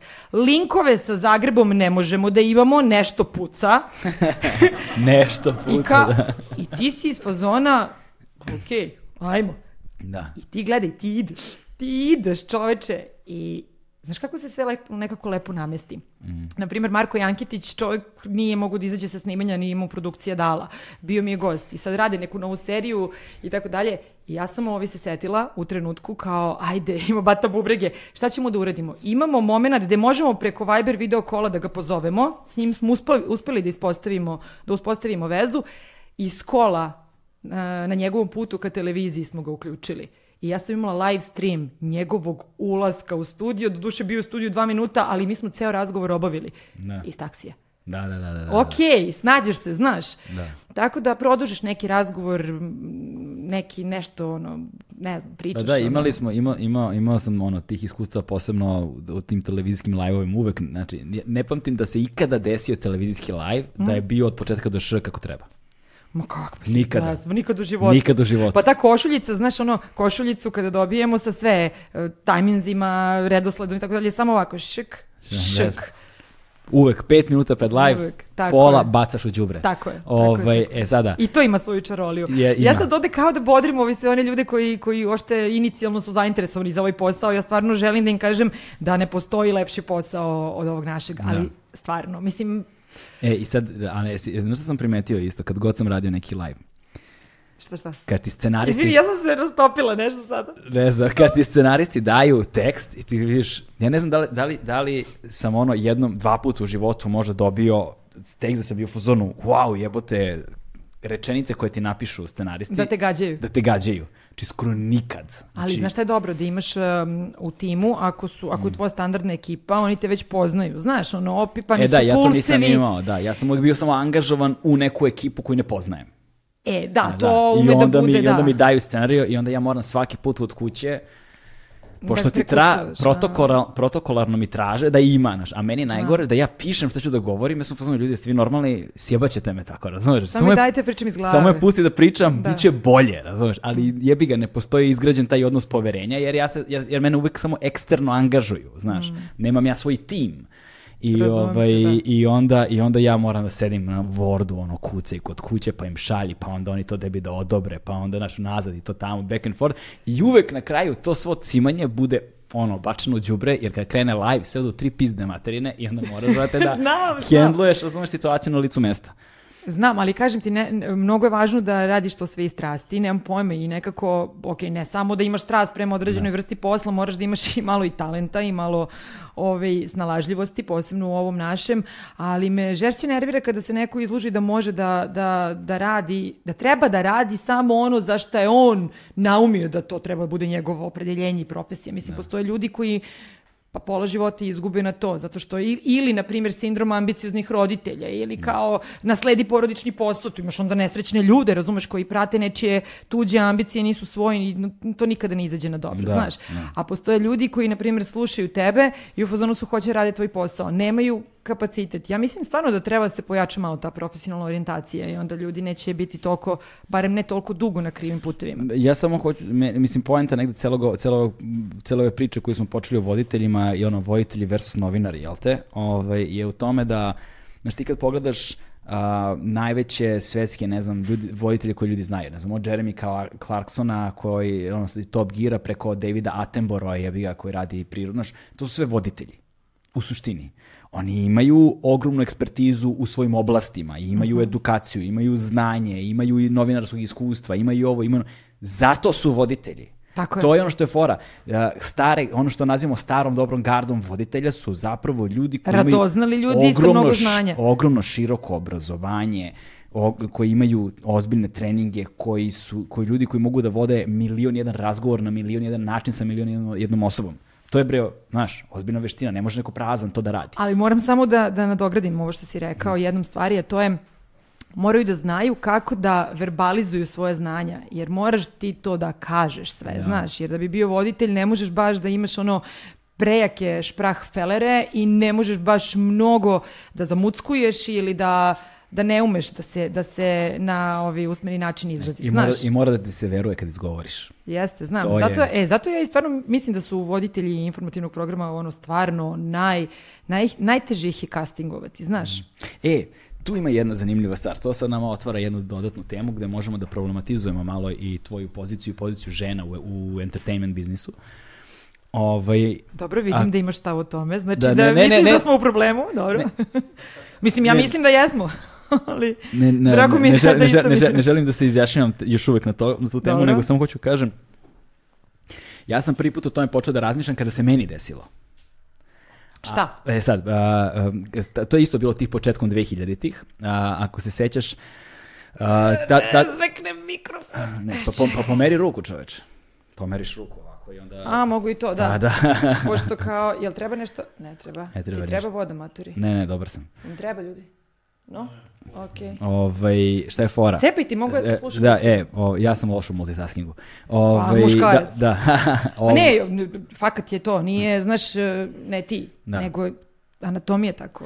Meni je uvek recimo i nir, dok sam se naučio na i nir, to mi je bio fuck up neviđeni, ono dugo, brate, sam imao problem s time. Znači, kad krenu da mi govore uvo, a treba da razgovaram sa gostom, a ovamo mi neko, znaš, to je meni bilo, ja, to, ja, ja na i nir dok sam se navikao, baš mi je bilo Ja ne- nemam najbolji glas na svetu, nemam najbolju dikciju na svetu, nekada stvarno prebrzo pričam, jaka mi je energija, ne može to veliki broj ljudi da hendluje, znaš, baš moraš da me gotiviš da bi me nekako prihvatio, nisam baš za svačiji ukus, ali imam jednu jedan dobar, dobar talent, jednu veliku sposobnost i na to sam ponosna i zato ovoliko verovatno dugo i radim, a to je da mogu da hendlujem sve, sto stvari u isto vrijeme, Da. znaš. Tako da mislim da je to, ovaj, da mi je to neka, neka Da. vrsta prednosti, da. Ovaj, a, em, t- to je bilo vreme kada su polako počele ekspanzije ovih a, kanala tipa ono, Net Geo, Discovery, Viasat Explorer i tako dalje posle 2000-ih i kada su oni polako prestajali da budu ono što su izvorno bili, Dobro. a počeli da postaju ono izrazito muški kanali na kojima ono samo se, ne znam, buđe automobili, motori, čoperi, po ceo dan su neki ono, kao kako se grade dizalice, kako se dižu najveći mostovi, kako se kopaju najveće, sve neki tako gluposti, gde su zvezde najveće bili oni Orange County Choppers, ona porodica, ćale, sin što urlaju jedan na drugoga po ceo dan i pra, buđe, buđe Znam, motore, znam, znaš. znam. E, oni su bili hit to vreme. I Ali valjda- čekaj, nije, na drugoj strani si imao sve ove Pa emisije nije. koje se bave kućama, Ne, ne, ali to je kasnije malo, to je kasnije malo došlo. To je malo kasnije došlo. Mislim, tada nije bilo još uvijek interneta, nije bilo društvenih mreža, nije bilo streamova, nije bilo ničega, ali ono, kao šta hvataš na kanalima, Dobro. bili su ta tri su bila glavna, Discovery, National Geographic i, i taj Viasat Explorer, gde su bile sve ono ultra muške emisije, znači ono 99,9% muška publika. Šta su oni provalili? Oni su provalili da... Da više žena gledate. Ne, nego da, da imaju jako veliki broj slušalaca, odnosno gledalaca, Dobro. imaju veliki broj gledalaca koji nisu sa engleskog govornog područja, koji su iz istočnih, istočnoevropskih zemalja. I onda su castingovali uh, istočnoevropske voditelje. Bio mi je potreban voditelj koji govori dobar engleski, ali sa istočnoevropskim akcentom. To im je bilo potrebno da gađaju teritoriju, da Dobro. gađaju nišu, znaš. Razumem. I onda su angažovali agencije koje su onda, ovaj, da, agencije koje su onda angažovali lokalne agencije po istočnoevropskim tržištima. Između ostalog, to se desilo i u Beogradu. I mene su zvali iz neke agencije, zaboravio sam kako se zvala ta agencija, tu braći Jugovića. Ovaj, ja sam došao na casting, da su bili neki stranci, sad imaš nekoliko krugova castinga i imaš neke kriterijume koje moraš da ispuniš, da si minimum pet godina radio u nekom relevantnom mediju, da si ona, la, la. ja sam sve to ispunjavao, sve kriterijume, ja dolazim na prvi krug castinga, ja tamo, znaš, i interesovanja su imali određena, zato što im je bilo potrebno za određenu tip emisije, im je bilo potrebno. I ja sam imao iskustva i u tome i sve to bilo super, ja sam se baš ložio. Dobro. Odradim prvi krug castinga, sve prođe super, izađem napolje, odmah izlazi lik za mnom i kaže mi, e, brate, bio si car, ali kao, ćao. Odmah sam otpao, odmah u prvom krugu. Ja sam bio u fazonu kao šta je problem? Šta se desilo? I oni kažu, pa znaš, kao nama je prvo pravilo, ne zapošljavamo voditelje mlađe od 38 godina. Moram? I ja sam bio u fazonu, what? Šta kao? Kažu, zato što mlađi muškarci ne ulivaju poverenje. Moraš da si prosed, da ti, da si, znaš, ako izgledaš ko klinac, džabe, neće Pa da dobro, ako si im bio dobar što ti nisu dali nekog stilistu maskira, nešto ne, malo da ne, ne, to moraš da si... čačnu neku belu gl- I, laku. po, i, kad, ono. i, I kada pogledaš uglavnom te, te kanale, te emisije, to su sve stariji muškarci, ono, znaš, uglavnom, Da, kada, da, da, kada da, pogledaš uglavnom, kada pogledaš vesti, znaš, koji muškarci ulivaju poverenje da ti budu ono anchorman, da ti budu voditelji vesti, to su isto tako, razumeš, uglavnom, znaš, ima verovatno nekih izuzetaka koji ono potvrđuju pravilo u suštini, ali tad sam prvi put bio jebote, Glas vidi, mora da bude malo dublji. Znaš, mora, ne, ne ulivaš poverenje, brate, tvoje lice ne uliva poverenje i ćao. Nema veze što ti znaš da radiš taj posao, što ga možda znaš bolje nego ono kog su Kapiram, izabrali, kapiram, da. ali tržišno, prema istraživanjima tržišta, Kapiram. to tvo- E, ali vidiš, dolazimo sada do I tad sam počeo prvi, put da razmišljam o, o kontekstu muškaraca i žena i kao kakve se diskriminacije zapravo tu se pojavljuju. Ali to je, pazi, to je bilo dosta pre ovog današnjeg trenutka, znaš. Mhm. I ti kada vidiš e, ko danas vlada, mislim, internetom, koji, poput Joe Rogana, znači koji bi vjerojatno pre 20 godina, de, ko će za ono, jednog istetoviranog, nagruvanog, ćelavog tipa, razumeš me, koji je ono bio borac, razumeš me, koji sve svašta zna, Da. ko, ko bi njemu verovao. Ako ćeš da sudiš po izgledu, pa znaš koliko ljudi nije tu zaslužilo da. poverenje u startu, to su predrasude, a Ali stvarno... brojni ono, tradicionalni mediji to gaje i dalje, znaš. Uh, da, jeste. Gaje i dalje. Jeste, pa znaš šta, ja sam snimala, je- pazi, evo ti opet banalan primjer, ali pazi ti šta je, uh, uh, šta, šta znači to, ta čistota, to da se bude onako upeglano, sve. Radila sam ogromnu kam- kampanju, jednu, za francusku jednu kompaniju, Anđa Prpić i ja smo snimale za nešto za kosu i bile smo na snimanju te televizijske reklame i sad oni su hteli mene, jer ja imam lepu kosu, jer sam TV lice, jer kao imam taj imidž koji njima odgovara i tako dalje. Ako ste teli mene, zašto mi na jebenom e, šminkanju prekrivate tetovaže? Oni su meni prekrili svi, sve tetovaže. Da. Pazi, mogu si da uzmeš onda manekinku. Ovo sam ja sa svakom ovom žvrljutinom na sebi, čoveče. Ja, ako si teo meni platio me te silne pare, nek se vide. I ne, i ne, i ne. Ja rekao, čeče, ajde sad i ti malo debela spusti na te loptu. Nemoj da te sada ono, ovo košta ozbiljnog novca. Da. Ali su oni prekrili to, znaš. Tako da hoću da ti kažem da, da se svašta tu upeglava. Da. Dan danas, ali okej. Kapiram kada je ne, neki brend u pitanju da to ima smisla. Kada su mediji u pitanju, ja mislim da to više ne sme da ima nikakvog smisla u tom smeru, u stvari u kom ti vodiš ovu priču sada. Dakle, da li je neko islikan, da li je neko s kratkom kosom, ne kratkom kosom. Ja se borim za za određene emisije, evo ti opet banalan primjer, ali to je zapravo, ti mali primjeri su u stvari srž svega, odatle sve kreće, onda ide na, na veća vrata i na širu sliku. Da ja ne mogu za neku svečanost da obučem odelo. Ja kažem, ljudi, ali ja ću izgledati svečano, ja ću imati full šminku, lepu kosu, to će biti svečano delo. Jao, nemoj, ajde, žensko, pa da onako da se pojaviš u haljini. Da. Ja sam žensko, imam ženske atribute, vrlo lepo uh, izgledam za jednu ženu, mislim da je potpuno okej da budem i u odelu. Da. Ni, ni, znaš, mislim, e, shvataš šta Da. ti pričam? To je ta, ne, ta neka... Ne, to su neki paterni, neki šabloni koje vučemo od ne znam ni ja. Ako jedna Charlize Theron može na red karpetu za Oscara da se pojavi u smokingu, ne razumem zašto mi za jednu uh, televizijsku proslavu ne možemo da budemo kao ženski voditelji u odelu. Biću Da. šik, biću elegantna, sam imam pantalone, sve okej. Znaš, mislim, to su, znaš, to su, to su te stvari koje onda prave neke veće probleme. Da. Znaš, na nekim višim nivoima i na više mesta. Ovaj, ali ti si u jednom trenutku zakoračila u komercijalnu industriju ovaj, i ti si otišla full u mainstream. Znaš, ovaj, mi ostali smo nekako ostali ono left behind, razumeš što se toga tiče. Jeste, I, ovaj, ali, mi je, ali mi je divno kod tebe što uh, ti si ostala potpuno ista. Znaš, Ti me znaš 20 godina, Da, da, meni znaš, je da. najvažnija stvar da ljudi, od ljudi koje poznajem toliko dugo kažu takvu stvar. Potpuno meni, ista, znaš. To, meni ono- je to baš. Hvala Ali, ali se, ali se, ali se, ali znam svaki put kad smo izlazili u grad, ono, naš, imali smo i one naše maratonske izlaske, Dobro, bili smo, brate, baš u mračnim fazama. Da, da, Ono, jeste, jeste. Bilo je tu ono da se ne vraćaš kući po šest dana. E, ovaj, ali se primet, primeti se a, a, promena, promena u načinu na koji te ljudi percipiraju. Znaš, kao, znači... Ma izlaz- znam, ja izla- mogu da kažem za, E, za reci. pa, evo, jedno od mojih omiljenih mesta u ovom gradu jeste strogi centar ovde, kod da. vas na Dorčulu. I ja, tamo su stvarno sjajne svirke i sve, ali ljudi kada vide mene i prepoznaju me to mesto, samo me pogleda, evo mesto otišlo kurac. Da.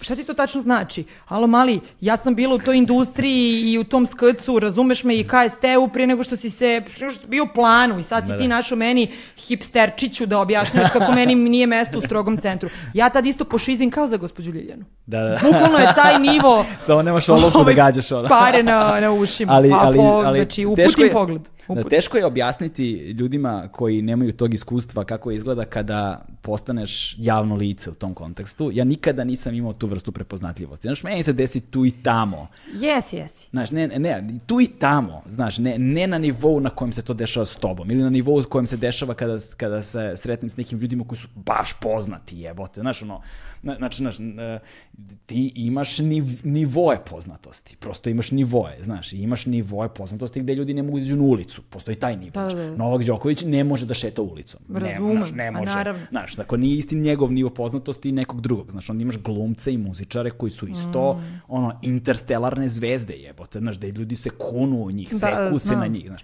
A onda imaš, razumeš, i ljude koji su komercijalno poznati na način na koji si ti komercijalno poznata, na način na koji su neki drugi još ljudi komercijalno poznati, ovaj, gde ljudi, on, te, to, to, to znači na nivou da te prepoznaje opšta populacija. Znači, Razumem, bukvalno da, da, da, li je da. muško, jeste. žensko, staro, mlado, da li je obrazovano, nije važno iz unutrašnjosti, iz gra, nije bitno dakle su, apsolutno svi znaju. Znači, Ali zaustaviš- pazi, ti sad kada- zaustaviš ovoga na ulici, povučeš za rukav i da li zna tvoje ime i prezime, znaš, velika verovatnoća da će znati. Prezime. Je, da, Da, jeste mi, zvučno mi je prezime. Da, ali će znati ko si, znaju da povežu ime i lik, znači da ono, govorimo o jednoj vrlo konkretnoj prepoznatljivosti. Ja sam to primetio, ono, izađemo, ovaj, da ti sad ti nastavljaš na isti način da izlaziš, na isti način da se ponašaš sa ist, ista ekipa, sve isto. Ali te drugačije gledaju. Ali se ljudi ponašaju oko nas drugačije, znaš. Kao kako ti održiš ono nivo prisebnosti, kao znaš, kroz sve to vreme. Znaš, ja, ja, ja bih u jednom trenutku samo pa bio u fazonu, ne mogu više da idem tamo, tamo će svi da me gledaju. Znaš, ja znam sebe. Znaš, meni počne da smeta. Ja kažem, ja ne mogu tamo da idem, tamo će sad, ne znam šta. Pa prvo onda ne izlazim, ne izlazi, pa sad sam tela da kažem, Da. ne izlazim kao onda kad smo izlazili pre 10-15 godina, apsolutno ne, niti me zanima, znači clubbing tek godinama ništa, Da. ali ovaj, e, imam, pa zavisi od dana do dana, nekada ložim ljude da sam neko drugi kad mi priđu, imam to, to su nešto bilo neka Ivana, imala sam neke svoje, to me zabavljalo. I tako sam se borila protiv toga kad nisam bila raspoložena da pričam o tome, ali nemam, iskreno da ti kažem, stvarno nemam neka loša iskustva da me neko smarao, da me davio, da ono, i ima momenata kada ti nije do slikanja, ali to je, neko, to je neka devojčica od 14 godina koju vidiš ovako raširene zenice i ona je srećna što, što je pored tebe. Ja ne mogu da budem gruba toliko da kažem, e, sada stvarno nije trenutak. Moram da, moram da napravim trenutak, znaš. Da, da. Tako da imam strpljenja, ali kažem ti, ne krećem se više kao ranije i stvarno ono, moj društveni život i pre korone je bio poprilično onako siromašan. Tako da sam u principu u okruženju ljudi koji su moji. Eto, to je to. Baš, baš biram da budem tu. A i mogu ti reći da imam mnogo prijatelja iz, um, iz mladosti, iz osnovne škole, iz kraja ovde, sa Kališa, bukvalno iz srednje, sa plivanja, uh, koji, trenirala sam umetničko plivanje, pa ovi kuma jedna mi je da, po, da, imala sam 9 godina kada sam krenula tu na 25. maju. I uh, to su ljudi koji su uz mene čitavog života i bili su uz mene i kada sam počinjala da radim ovaj posao i to su ljudi koji kada ja krenem da alelujam, da ono, uz dve, tri reči me tako lepo išibaju i šamaraju da ja samo se spustim. Tako da ako sam ja imala nekada uh, ta krivudanja zbog posla kojim se, baviš, kojim se bavimo i kada okolnosti krenu da nas uvlače u to da smo možda nešto važniji nego što jesmo, oni su tu samo da me vrate na zemlju. Tako da ja ono, njima hvala prvo zbog toga. Drugo, nemam problem stvarno da nikada nisam imala neke neprijatne situacije koje bi mi sad nešto bi me isfrustrirale. A treće, ne krećem se toliko kao ranije. Tako da sam ja ovako lepo sačuvana što se toga tiče. Znaš, nemam ovaj... Nemam problem sa tim nikakav. Ovaj, e sada, a, Imam problem kada čujem ovakav komentar. Stvarno imam. I nervira me žešće. Znaš ono, šta, šta znači uh, ti ne pripadaš ovom mestu i tako dalje. Ranije, znaš ono, Mogao si samo da odeš gde god želiš i niko neće reći da ti tu mesto ne pripada. Sada su te neke društvene podele tako izražene i velike da ti kao ako si jednom bio na hua hua ti je zabranjeno doživotno da uđeš u, u KST. jel postoji dalje hua hua? Nemam pojma. ne znam, ali mi je sinonim za oj ha ha i oj Da, da. sa sa, znaš, Da, da, tako da, da, sam to rekla. Ovaj, e sada, zna, a, Ne, obeležen si. Da. Čiče, ti si obeležen. Stvarno jesi. A šta ako ja baš imam večer kad hoće se uroljam od, od brlje i da izađem u 9 ujutru posle sinana? Jel to znači da ja šta sad, šta sam ja sada? Jesam ja narodnjak? da. Znaš, jel treba da odem 906 puta posle toga na neko urbano mesto da bi bila čista? Da, da, da. Znaš, šta je tu sada koncept? Mnogo me nervira sve to. U rangu ljilje. Popi još jednu vodku slobodno. ne, ne, ne, vidiš da sam na vodi. Da, ovaj, e, sada, jedna stvar u, komercijalnoj industriji koja je ovaj, dosta veliki problem jeste način na koji, znaš, kakva je pozicija žene u komercijalnoj industriji trenutno u Srbiji generalno? Osnovni problem je, mislim, taj što e, se ženske javne ličnosti i muške javne ličnosti, tačnije TV lica koje se, na primjer, za određene projekte angažuju, različito plaćaju. Ako smo ti ja rangovno tu i tebe angažuju za jedan projekat i mene za taj isti projekat, ti ćeš sigurno da dobiješ veću kintu od mene. Stvarno. Mislim da da. Je. E, ovaj, e, mislim da se to dešava u svetu sedme umetnosti. Mislim da se to dešava u našoj branši, mislim da se to dešava u sportu, ne, ne mislim, poprilično sam sigurna i mislim da to uopšte nije korektno. Eto. Da. Tako da e, kada mm, se žene bore za svoja prava, mislim da je to na prvom mestu kao prvo ne, e, manja zastupljenost na određenim pozicijama i u određenim branšama, a nakon toga i egal plaćanje. Jer ako ja e, deliverujem istu stvar koju ti deliveruješ, kakve veze ima šta ko ima među nogama, poenta je samo da si ti prodao, Da. da sam ja prodala ili da sam plasirala određenu stvar ili šta mi je već zadatak u odnosu na projekat koji radimo i zašto smo angažovani. Tako da mislim da to jeste veliki problem. Ja se tu pravo da ti kažem ozbiljno kurubecam ako nisam plaćena kako mislim da treba da budem i koliko zaslužujem, ne radim. Bukvalno sam u fazonu da sam kod kuće jedan dvopek mesec dana, ali neću da radim i nikada ne spuštam cene. I ja mogu ti reći sada jednu nefeminističku stvar, a to je uh, plaćena sam ko muško. Eto. Od Instagrama ili? Od svega, od televizijskog posla, od Instagrama, od tezgi, Zajebavam se, nego sam, nego, se, nego smo počeli razgovor pre nego Što je grozno snimanje. zvučalo i vrlo sam svesno ovo rekla, zato Da, sam da, i da, ono da, da. pre toga izgovorila. Ovaj, nego smo počeli priču pre nego što smo počeli snimanje, ovaj, da je kao, znaš, koliko je bizarna situacija zarađivanja novca od Instagrama. Mislim, ja, ja ne uzimam lovu od Instagrama, ovaj, nažalost. A mogu ti kažem nešto, zato što e, se prvo nisi fokusirao na to, Da, tamo nisam. ima mnogo kinte. Druga stvar, živimo u, u vreme pandemije gde svi oblici marketinga idu na mreže. Znači, ti si sada uh, fokus na Instagramu. Ne ti kao ti, nego ti kao neko koga prate ljudi i samo treba dobar brend da se poveže sa tobom, sa tvojim imidžom. Daj da ti radim kao menadžer. ne, ozbiljno, zašto ja, ja znam, ali dobro, vidim da imaš saradnike, znaš, i Da. da su oni dobro prepoznali, ovo su sjajni brendovi.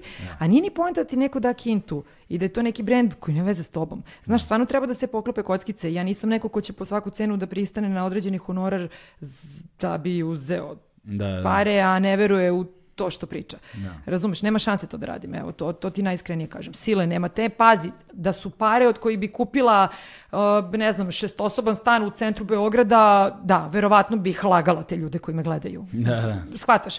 ali to moraju znači budu velike pare. Da, baš velike pare. Pa mislim sve ima svoju cenu. Kad ti kažu ljudi, ovaj, ja se ne bi prodao ni za šta, ni za šta. Mogu ti kažem, inicijalno i ja bih to rekla. Ali ako me sutra budeš video na Pinku, znaj, sine, da sam ozbiljno kintu uzela. Da, da, da.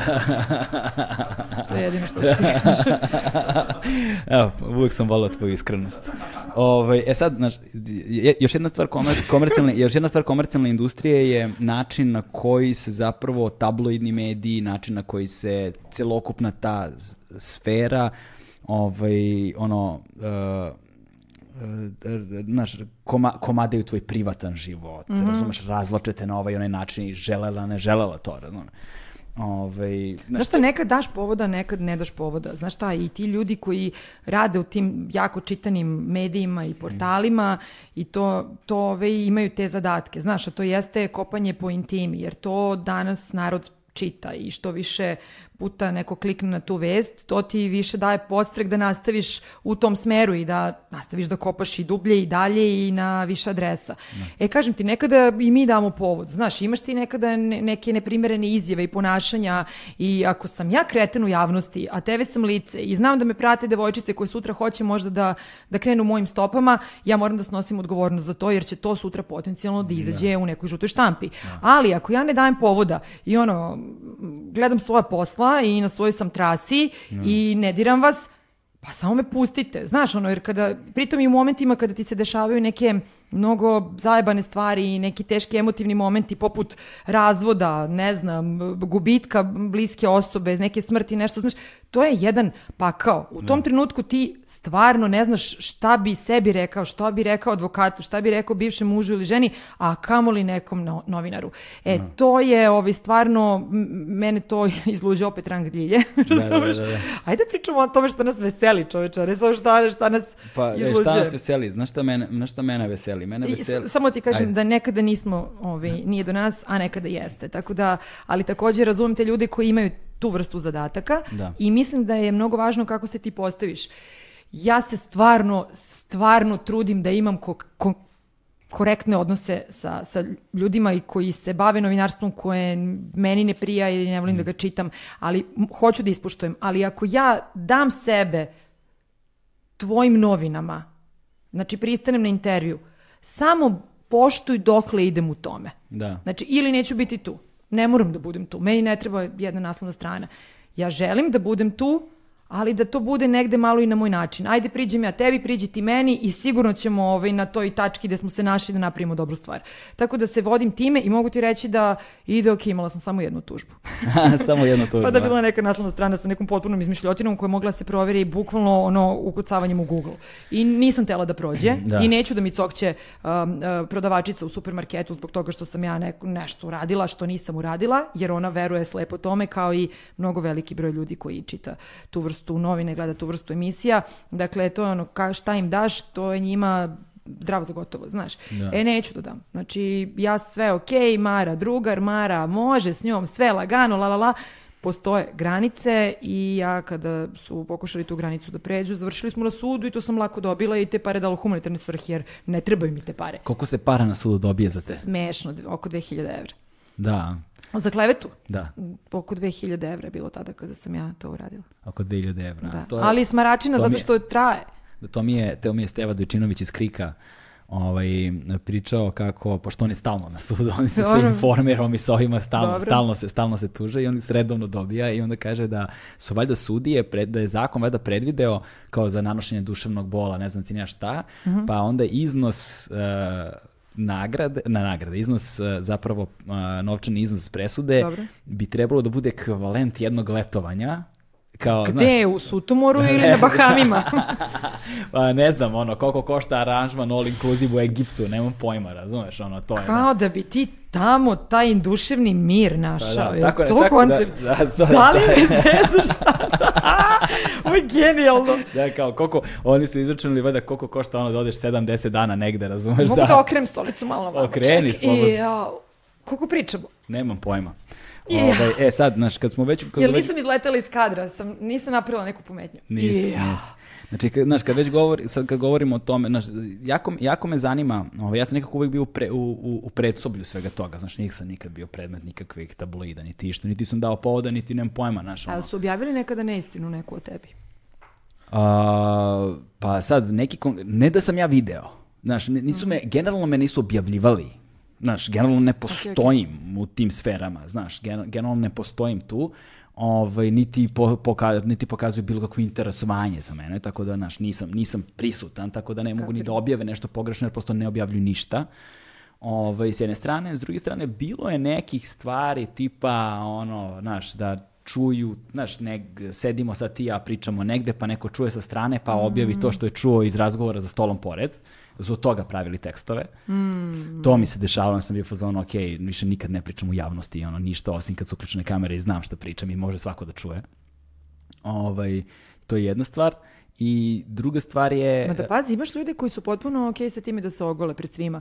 Znaš, ono, ako neko hoće da raspori svoju džigericu i da je stavi na tacnu i da publici, me, ja stvarno sve to poštujem. Isto kao što poštujem ljude koji imaju svoje razloge što rade na Pinku. Da. Ja ti dajem svoje, znaš. Da, da. Ali ja mogu sve da razumem. Svako ima svoje svoj put i sve dok si ti na, ok na tom svom putu, dok Mhm. se ti dobro osjećaš, ma cepa i rođeče, pa to je najvažnije, jel tako? Da. Tako da hoću da ti kažem da postoje ljudi koji vrlo daju povod da se o njima priča, da se o njima piše, da se njihova intima razloči kao neka buđava žvaka i meni je to okej, jer ako ti imaš smisla, kakve to veze ima sa mnom? Znači, Da. dajte samo, nemojte da dirate ljude koji nisu iz da li, te priče. da li postoje neka očekivanja koja se, vrš, koja se vrše na tebe, pritisci očekivanja koji se vrše na tebe, razumeš, koje ti kao konstantno ne ispunjavaš ili, znaš, Mm. ono, zagočavaju ti život zbog toga? Pa, znaš šta, ima. U principu, kada, e, kada se slikaš za naslovnu stranu, nije im dovoljno što radim novu emisiju što sam pokrenula svoj brend i što sam krv propišala da, da bi ga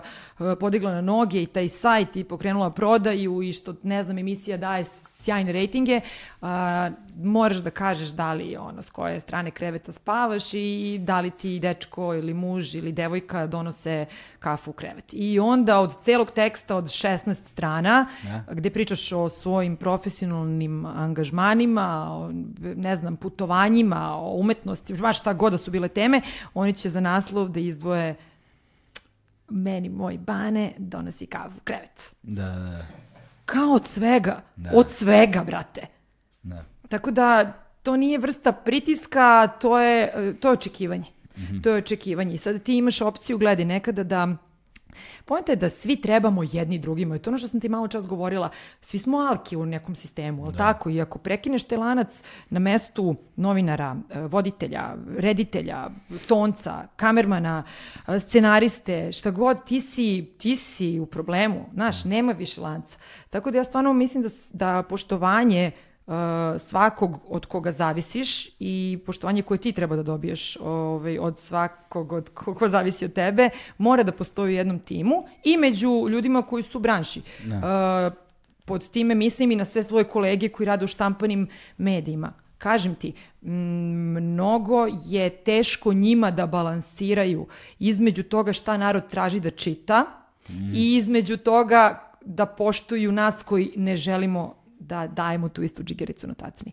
Tako da su i oni u nebranom grožđu. Znaš, e sada, poenta je i kakav si lik i dokle ideš, zašta radiš, koliko slušaš druge, koliko slušaš sebe, da li na kraju ćeš da flipneš od svega toga Da, i da digneš da. ono ruke i odeš u neku drugu sferu. Znaš, ima svega. A kako se, kako se boriš je- protiv, kako se boriš protiv stereotipa o, e, prema ženama u industriji zabave? Znaš, to je ono, znaš, ti si ono lepa, uspešna žena, Hvala. zna, ovaj, koja znaš, privlači pažnju javnosti već dugo.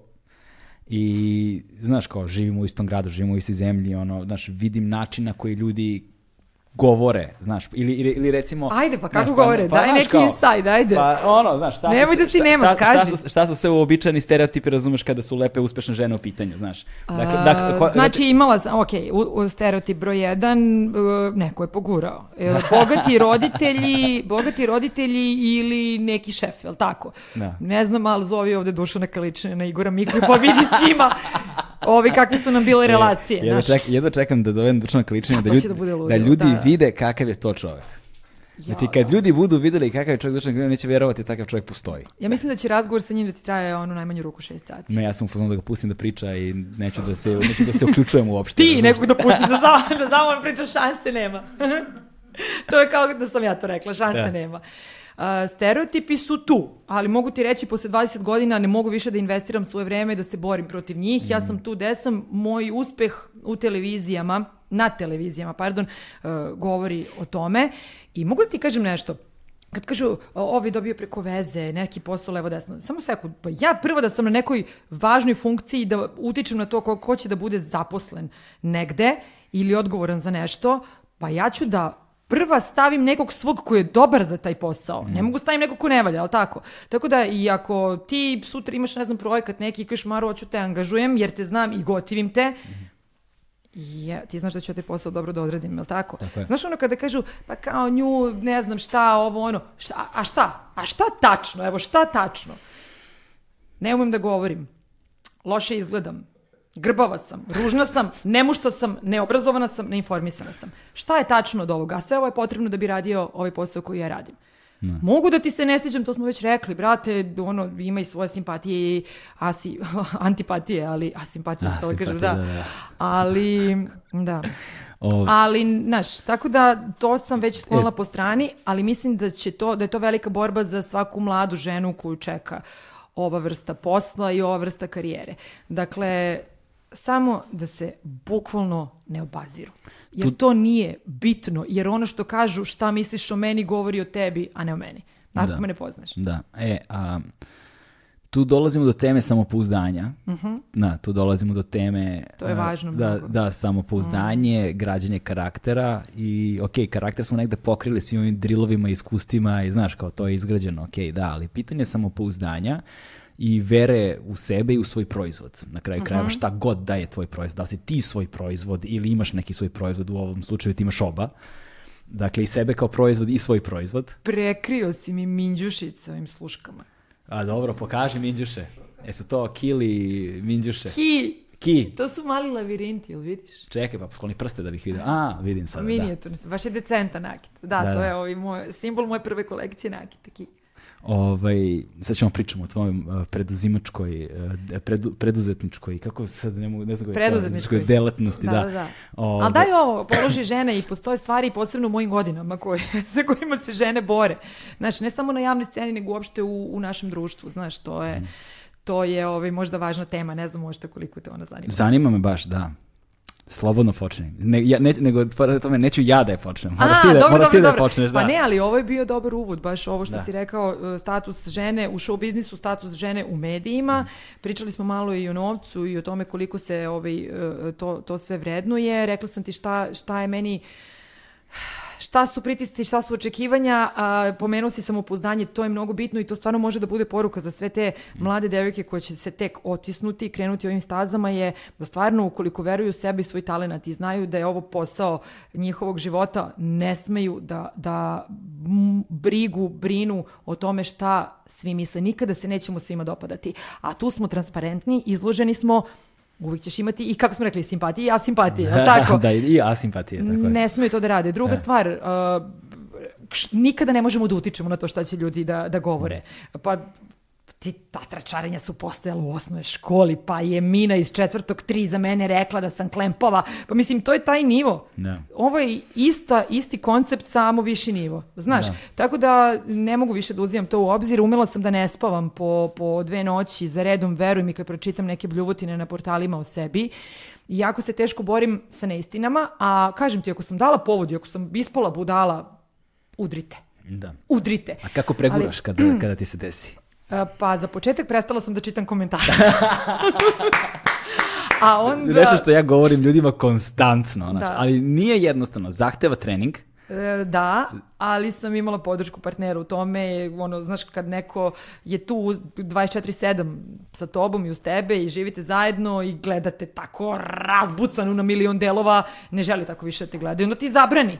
Da. I onda ti budeš poslušna žena koju je dečko rekao, zabranjujem ti da ulaziš na komentare. Kraj priče, nemam te, ja tebe nemam 48 sati, žena, da. hoću da te imam, da mi budeš vedra i nasmena. Pritom, to jako specifična sorta ljudi šalje. Meni je konstruktivna kritika, negativna konstruktivna kritika uvek dobrodošla. I ovaj jedan mudar čovjek mi je rekao, nemoj da da slušaš šta kažu, nego e, se fokusira na to odakle dolazi. Tačnije, od koga dolazi. Mm. E, to je mnogo bitno. A ti na tim portalima nemaš pojma od koga dolazi. Znaš, da li je to stvarno neka nesrećna e, gnojava, zadrigla, debela spodoba koja nema ni karijeru, ni prijatelja, ni psa, ni mačku, ni ništa, ali si joj ti trnu oku i onda ne zna više od te gnojavosti zadriglosti gde da ispolji i onda ispolji tu. Da, da, da. E, i onda je to, znaš, a, a ne znaš šta ti je uradila? Ma neću, čuvam se od toga više, ne mogu, brijem 40 godina da se bavim time, stvarno ne mogu. E, hoću, kada nekome verujem i kada znam od koga i odakle dolazi, da čujem, pa neka je najneprijatnije na svetu. Znaš, moramo da naučimo da budemo otvoreni za, za konstruktivnu kritiku, neka je najnegativnije na svetu. Ali ako će to da poboljša moj nastup, moj profesionalni angažman, moj rad, moj, moj, moj kvalitet, uh, onda je na početku samo neprijatno, a kasnije jako korisno. Tako da, dobrodošlo. Znaš, ali ovaj, znaš, znaš ti šta žene poput mene Uh, kad kažem poput mene, mislim na ove godine, na moju generaciju, koji nisu ostvarene kao majke još uvek najviše gađa. E, komentari koji se baš, koji se baš na to odnose. I uh, to je ono što negde ja stalno volim da, volim da pričam sa ženama, zato što sam se ja negde osnažila poprilično i dosta sam uh, radila na sebi i, i samosvesna sam, mogu sebe da nazovem samosvesnom osobom i znam gde sam, šta sam i više ne može to da me gađa, ali ovo društvo je toliko surovo prema ženama moje generacije koje se konkretno, ovaj, koje konkretno još uvijek nisu postale majke, da ja ne znam kako da se borimo, sem time da svaka od nas po na osob bukvalno bude svesna da opet ima prava da bira svoj put i da ako se na njemu dobro osjeća, to bude to. I da ne gleda ni levo, ni desno, ni iza, da stavi amove i da cepa pravo. Dakle, surovo, surovost društva u toj temi e, je tolika da ne znaju više ni koga gađaju. Da li te gađa crkva koja ti kaže da si ti, da je tvoja materica radionica, život, radionica života i da si ti potpuno jedna, um, mislim, da si niko i ništa ako nisi postala majka. A šta si ti ženi koja nije majka, a velika je vernica u radio onda? Da. To me mnogo zanima. Eto, to meni niko nikada nije odgovorio na to pitanje. Postavila sam ga na milion adresa. Nikada niko. Šta se? Pronašla sam utehu u molitvi. Ne ja sam crkveno biće i okrenuta sam crkvi i radim sve što mi crkva kaže, ali mi crkva kaže da treba bude majka, a ja nisam majka iz ovog ili onog razloga. Šta si mi uradio? Šta si mojoj duši načinio? To su paklovi. Ja ne mogu da zamislim šta se, šta se dešava u tim ženama. Takođe, postoje žene koje imaju veliku želju da budu majke koje ne mogu, koje ili nemaju partnera, ili imaju zdravstveni problem, ili imaju x, y razloga. Mislim, I šta se na kraju najvažnije dešava sa ženama koje neće, bre? Koje imaju pravo da neće? Me razumeš? Pa ne, pa bukvalno su razapete na krstačama. Mislim da je to, ovaj, ja sad stvarno e, jedino što mogu da kažem prolazeći ja kroz sve to i čak nekada sam i dozvoljavala ljudima da, da me gađaju, jer sam, ja imam veliku želju da bude majka. Igrom slučaja se nije do sada desilo, Bože ne. zdravlja biće. Ali ako ja krenem da objašnjam ljudima kako ja jedva čekam, ali se ne dešava, onda će bude jadna, ona ne može. Ona ne želim to da slušam uopšte, razumeš me, biće. A ako kažem šta vas briga, kao što i mislim, onda će da bude u fazonu, eto, ona ne želi decu, što opet kontra istini. Znaš, toliko je zamršeno i kompleksno, ja samo želim da žene pronađu svoj put i da koračaju njime, da se u njemu dobro osjećaju i da ih bole dupe šta priča društvo. Mnogo je teško, preteško je, ali je neophodno da bi sačuvao zdrav razum i da bi zadržao svoju trasu. Eto. Jesi li razmišljala da pokreneš svoj podcast? Pa znaš šta, ako bih to uradila... ne, mislim da je... Bilo bi, bi, imala bi samo jedan cilj, a to je osnaživanje žena. Pa, zato ti kažem. Da, Da. Zato ti kažem, zato što mislim da si dobar primer, ovaj, imaš dobru energiju, imaš dobar stav, imaš jasan stav, znači, i umeš to da radiš i mislim da je, ono, znaš, gađa, gađaš mene time što govoriš, nisam žena, razumeš, ali, ali, su mi, ali, su mi, ali su mi te teme, znaš, ali su mi te teme ovaj, važne, zato što su još jedna slagalica u slici od društva u kojem živimo, znaš. Znam, ali znaš Vrlo ti koliko zna... je muškaraca uključen u ovo što sam ti govorila. Znaš, ovo je kao priča o ženama koji diktiraju uglavnom muškarci. Pa meni je da. to baš onako strašno. Da. A onda prati druge žene. Ma, mislim, stvarno je surovo toliko, niko ne zaslužuje da sluša i trpi to, to boli, to peče, to razara. Da. Znaš. Koliko ti je trebalo vremena da se... Tri godine. znači, znaš tačno, a? Tri godine. Kako znaš, tako, to, kako tako precizno znaš? Zato što sam znala šta ćeš da me pitaš jer smo u ovoj temi. Da, da. Uh, zato što znam koliko je uh, trajalo, u stvari, znaš šta, ne znam koliko dugo je trajalo detektovanje problema a, i, i bola i odakle dolazi izvora, ali znam kada sam ga osvestila. I od momenta od kada sam ga osvestila do momenta kada mogu sada ovako da zvučim i da izgovaram stvari koje izgovaram, tri godine. Tri godine. Da. Dakle, to nije ni kratak, ni jednostavan put. I ti boga koliko je bilo predigre. koliko je ona trajala, znaš. Da, to je, to je sad još jedna velika tema. Ovaj, I mislim da je važno posebno za ljude koji se bave bilo kakvom vrstom javnog nastupa. Generalno za ljude uopšte je beskreno važna tema, ali i za ljude koji se bave javnim nastupom, zato što ljudi koji se bave javnim nastupom lakše gube kompas. Jeste, jeste. O... E, ali tu su važni onda oni ljudi, oni naši ljudi koji su tu vekovima, da. znaš, da. jer te oni vrate, znaš. Ovaj, I um, u, u vezi sa time, znaš, e, osvešćivanje problema koje imamo, to je nešto što što je meni mnogo značilo u životu. Mm. Koliko god da je banalna i jednostavna istina koju ne vidiš. Kad je ne vidiš, ona je nemoguća kad je vidiš, onda ne, ti, ne, ti je neverovatno kako je nisi video. Znam, da. ovaj... ali pazi, kada se previše fokusiraš na nju, onda joj daješ i snagu. Znaš, moraš da, da, da je budeš svestan i da je tretiraš. Ljudi ovde izbegavaju da tretiraju probleme. Mislim, pričam prvenstveno o psihoterapijama, znaš. Dan danas osjećam kako, mislim, vidim ljude, bliski ljude, ljude koje volim, koji su mi prisutni u životu jako, jako dugo, koji neće da se puste. Naš, neće. Znam ja, mogu ja, mogu ja. Ne možeš raspadnuti čoveče, pršti na sve strane, ono nezadovoljstvo, frustracija, trauma iz detinstva, od juče s posla. Znaš, pusti se, pomozi nekome s druge strane da ti pomogne. Znaš, ono, ne znam zašto smo još uvek zatvoreni za, za, za tu vrstu pomoći, znaš. Pa, društvo nam je prilično zatvoreno i dalje je utemeljeno u vrlo strogim okvirima koji su ono negde počivaju u tim ono ne ja to zovem retrogradnom patrijarhatu, znaš. Ovaj stvari o tome, stvari o tome, mislim da, jeste, mo, moja da, pozicija, znaš, moja pozicija je negde um, znaš, sva, svo moj slobod, sva moj slobodan način razmišljanja i neka moja individualnost zapravo je rođena iz nekakve nužnosti a te nužnosti su bili okviri unutar kojih sam ja bio postavljen kada nisam mogao da kreiram svoj identitet, jer nisam Pera Perić, e, pravoslavni, beli, šta god. Znaš, znači, ja sam iz mešovitog braka etnički, ja sam iz mešovitog braka rasno, ja sam iz mešovitog braka, braka konfesiono, znači ja sam na svaki mogući način iz mešovitog braka, niti likom, niti imenom i prezimenom ne, ne, ne nosim simbole ono, onoga što je normativno predstavljeno kao pripadnost ovom mm. delu Evrope, e, nacije. Pa tu si, ti si u problemu blizu kao žena s 40 godina koja nema dete. pa sad, ne bih, ne bih poredio, ali je stvar u tome da a, mi je takva vrsta odnosa društva prema meni stvorila okvir unutar kojeg se rodio plod koji, zbog kojeg ja danas mogu da razgovaram na način na koji razgovaram. Ko zna da nisam imao tu nužnost, možda bih bio jedan od tih koji, znaš, ne znam, razumeš? E, ali znaš šta, pričali smo ti ja privatno o tome, ali to nije isto loše uporište. Ljudi koji dođu u Beograd više grabe, mi smo malo lenji. Da, da, e, to e, znaš, sve nam je tu. Ima, ima malo, dobro, ima malo, mislim ima svega sad, znaš ti šta je ovo sada? Da, da, da. da. Ko bre kaličani priča šest sati, bre, evo, daj vodka. Evo, evo, evo vodka. Daj. Daj vodka. Evo, po, ovo se popilo, ostao mi sokicom. Pa da evo ti, bre, sipaj čoveče. Ali vi ovo sečete? Ne.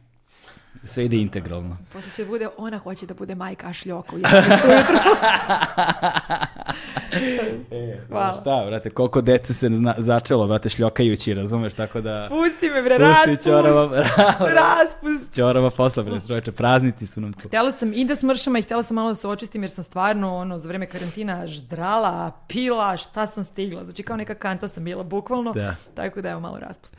Ovaj, e, da, a, i sad taj način, taj, taj, kažem ti, taj način razmišljanja je došao, razumeš, iz tog jednog života koji sam živeo i ono što sam ja kasnije Pazi, tebe, ši, tebe je poprilično išibo život kasnije. Da, Znaš, dobro. na sve to, odakle dolaziš i šta ti je baza, šta su ti negde ono temelji, pa se onda si se razvijao, pa odjednom krenulo mračnjaštvo Da. i tebe mora to da gurne u, Da. u određen ono, ćošak. gledali smo mi u mračnim fazama, to, znaš, Da. to je zla, dragoceno, dragocene bleje su E, kad to. si pomenuo predrasude, ljudi misle da sam ja stalno vesela. Meni pričaš. Mislim, da, da, da. Znaš, samo ja dozvoljavam da me obuzimaju i tuge i, i te negativne emocije koje nisu neprirodne. Mislim, tuga je potpuno prirodna stvar, ali naučila sam da me slomi i samo ne dam da vladam nome dugo. Znači, slomi, ali idemo dalje. Da. Znaš, nije to... To je jedan od razloga, to je jedan od razloga zašto mi se podcast zove agelast. Zato što je to od grčkog glagola gelasto, što znači smeti se. Agelast je čovjek koji se ne smeje. Znaš, i to je ono, baš, uh, baš nekako da bude kontra svemu tome. Nekako, znaš, imaš dečačko lice, uvek baby face i ono Da, celoga baby života. face, baš da. Baby face celoga života, znači da tretiraju kao dete sve vreme. Znači ja moram 110% da budem ozbiljan da bih bio shvaćen ozbiljno. Da, da, da, razumem. Pa ja sam uvijek neka, aja Mara, šalala, mama Mara. Znaš, a onda, a onda mi je negde ono udžbenički primjer skrivanja na otvorenom bio a, ono bež, bež, znaš kao vedrina, smenje, javni nastupi, između ostalog razlog zašto da, sam ušao u javni posao je bio kao znaš, da, mi, ne, da mi drugi kažu kako sam do jaja, zbog sopstvene nesigurnosti, razumiješ? Da, da, da. Tako da, znaš, i dugo sam se ja borio i sa To je depresijom. mač sa... sa, izvini, u, to je važno, čekaj, ali mač sa dve oštrice, jer ti kada hoćeš da ti svi govore kako si strava i onda se izlažeš javnom poslu, to je mač dve oštrice zbog toga što postoji ona druga strana koja će ti kaže da si sranje. Tako je. Znaš, tako, Tako je. da opet Pa je te- to egzibicionizam, Jeste, znaš. pa te skenjaju u propastete, razumeš to? E, tako sam ja počeo da učim da ne čitam komentare, razumeš? To je ono... I'm into Znaš, that. E, a, daj malo te vodke. Jel, nema sa čime da je promešam ja. Pa ne, pa sam čista sada. Sad sa čistak, a? Pa da, šta, šta fali malo čisto. A? Pa da Ja, zvrcneš volt, da donesu neki ceđeni nešto. Ne, te bre, imam Red Bull ovde. Hot Red Bull, da, nemoj, nemoj, to je baš nezdravo, sada da mešaš. Energetsko piće i alkohol, nemoj. Evo, pijem ovako i kafu, to nema veze. Pošto je okej vodka i ceđeni limun. Da, zdravlje. čin čin, živ bio. Dobro, ostala je aroma ovaj, ovog soka od malo pre, tako da preživeću. Barem, ovaj, barem na nepce to. Da. to. E, stao si kod, kod faze depresije. Da, ne, ne kod faze depresije, nego kod kreiranja karaktera.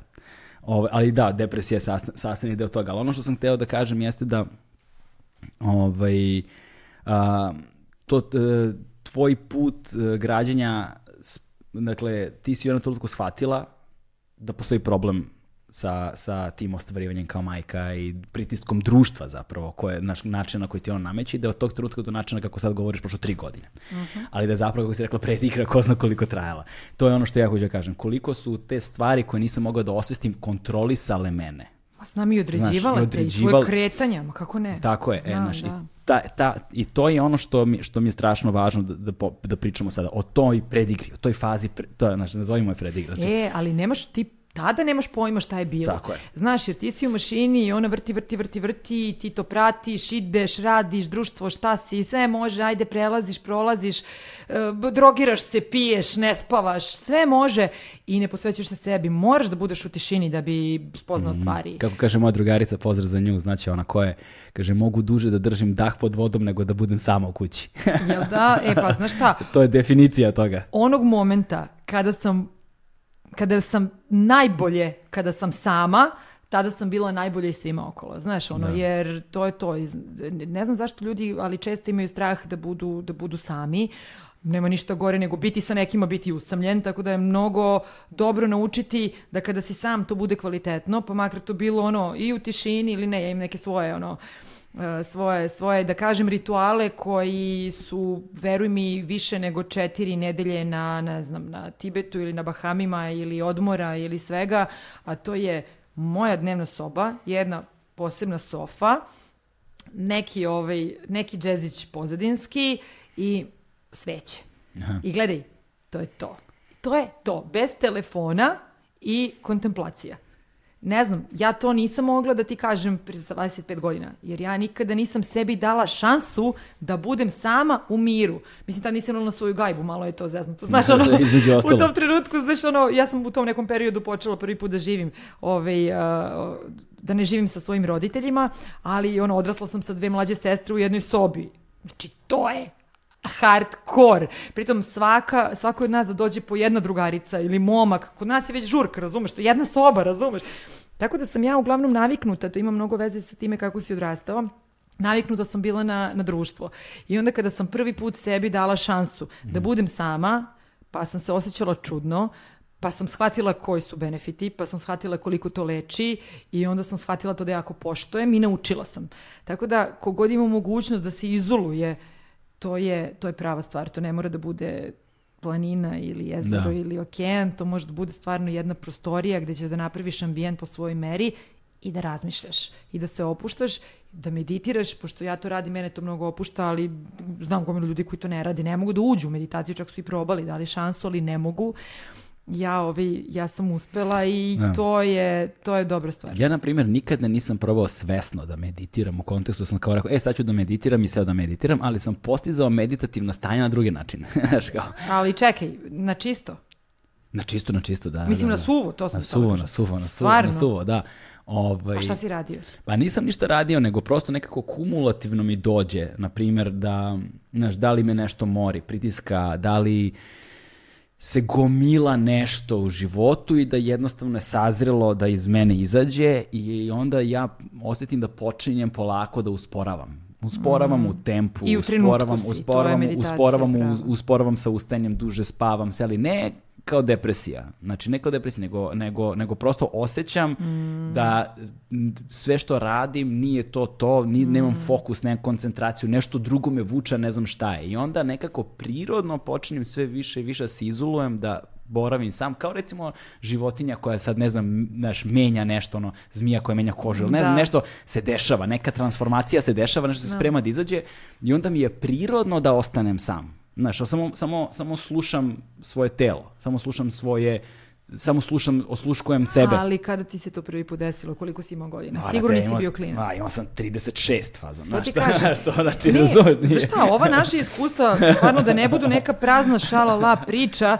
stvarno imaju jedino smisao ukoliko neko ko je mlađi no. Da. pokuša da ovo isprati onda smo mu stvarno ono kupili par zdravijih godina, znaš? Da, da, da. Jer ja...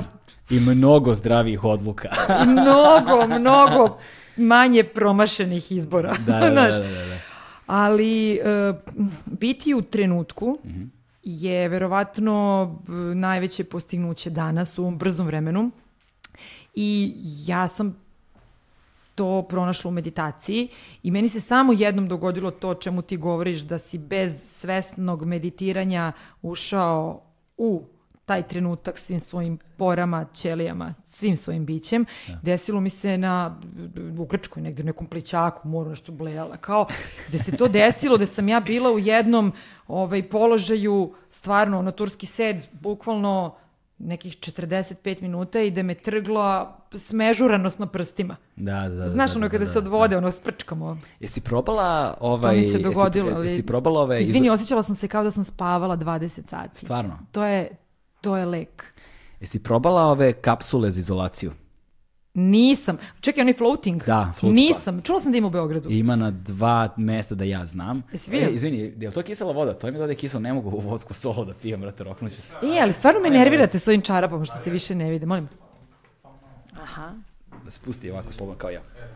E, ovaj... Nervirate me svojim čarapama, zato što, Aj, zato, zato što se više ne vide, a ja inače uvek nosim rasparene čarape i da jutro sam se protrudila da budu u paru, ali Ćorak. Jevi ga. Do, doćeš, ti, pon, da doćeš ti ponovo u ovaj podcast, znaš, nemoj da brineš ništa, stavit ćemo GoPro na pod, to nam je plan bio, stavimo GoPro na pod da bi se pas ponovo video. Ali nemoj da to da mi Lara- govoriš šta sada. A, Zato što ću sledeći put da budem opuštena i imaću dve različite čarape, razumeš? A sada Tim kada pre, znam... tako je zanimljivije. E, sad je mnogo bolje, barem sam kisela. Ovaj, Piješ vodka kisela? Da, vodka kisela, bilo bi idealno da imam malo limuna da nacedim, ali mrzim ja sad da idem u kuhinju da sečem limun, znaš, ali... Ovaj, Tada! Tada! ovaj, um, sad gde sam stao? bre? Meditativna stanja, Da, biti u e, da, trenutku. da, da, ne, ne, ne, float spa. Float spa, o- bravo, Odnosno bravo. izolacijni kapsula. Me, meni, je, meni su ti izolacijni tankovi ono ludilo, čovječ. Jedno što su besmisleno skupi, evo te nešto Koliko 50, košta? 50 evra sat vremena, znaš. to Pa ono- zavisi šta ti da. Nego ja sam, nego ja sam jednom otišao da, ja sam jednom otišao da platio, jer sam želeo da probam, prosto platio i napisao sam tekst o tome koji je pročitalo nešto mnogo ljudi. A, dali si ti za džabe I sledeće. dali mi za džabe, dali, dali mi za džabe cele godine, brate. Jednom sam ja išao redovno, sam išao tamo. Čekaj, ti si zatvoren hermetički Dakle, u nekoj ovako kapsuli, izgleda- ali si u, na vodi. Da, evo ovako, dakle, ulaz, i prvo, uh, u idealnom svetu bi to ovako trebalo da izgleda. Dakle, u prostorija bi trebalo da je zvučno izolovana.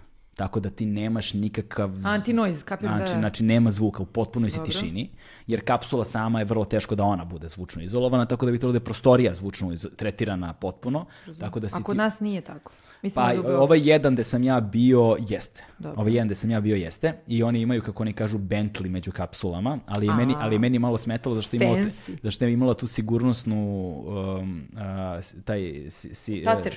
a, sigurnosni sigurnosni taster koji sve, mora da svetli u mraku. I onda nije bio potpuni mrak.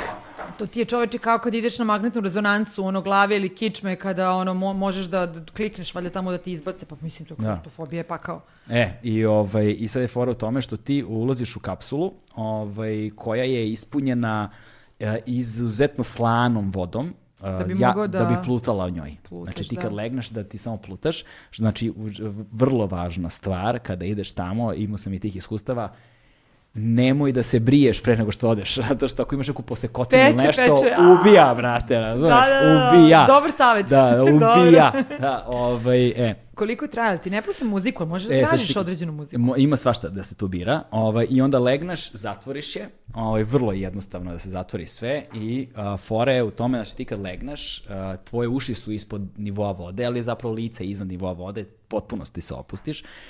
A, da, voda je na temperaturi tvog tela, a, zvučno izolovana prostorija, nema mirisa nikakvih i plutaš, tako da ne osjećaš, s- znači nema, ne, i bude mrkli mrak. Tako da ne vidiš ništa, ne čuješ ništa, ne mirišeš ništa, ne osjećaš nikakvu temperaturu, znači bukvalno je stanje lebdenja. A, malo treba vremena da se navikneš na to stanje plutanja, od 10 od Kapiram. 15 minuta nije baš ono, dok ni, znaš, nisi nikada bila potpuno izolovana. Znaš, nikada nisi imala, tvoj mozak nikada ne bio u stanju da nema nikakav impuls. Znaš, nikakav input iz spoljašnje sredine. Da, evo pokušam se setiti, mislim da ne. Ne, nikada, ni u, ni, u, ni u stomaku kad si bila, bilo je zvukova s polja koji su dopirali, razumeš? Da. Ovo je potpuna Da, da. izolacija. To je fora, bude potpuna izolacija. Izvini, Slavko Belesin, moj veliki drug mi je kupio antinoid sluške koje Aha. su potpuno, ali ne znam, što, ne znam koji je materijal, to je nešto deblje od ovih vaših, Da. potpuno zato što ja ne mogu se fokusirati. Kupio mi je dobro i knjigu koja se zove Fokusiranost, ali, ali je kupio i sluške jer je rekao ti kada si u skladu sa svojim mislima, sa svojim bićem, kada si u meditativnom stanju, znači u ovom trenutku, Mhm. ti možeš sve. Razumeš, to je toliko, Da. toliko važno. To je taj kako ga zovu Ameri float state, ono, i baš je, baš je, baš je, ono, flow state i to je baš je dobra stvar. I, ovaj, I onda sam, a, i onda legneš i sad u- super mi bilo kod te kapsule što imaš da biraš zvukove.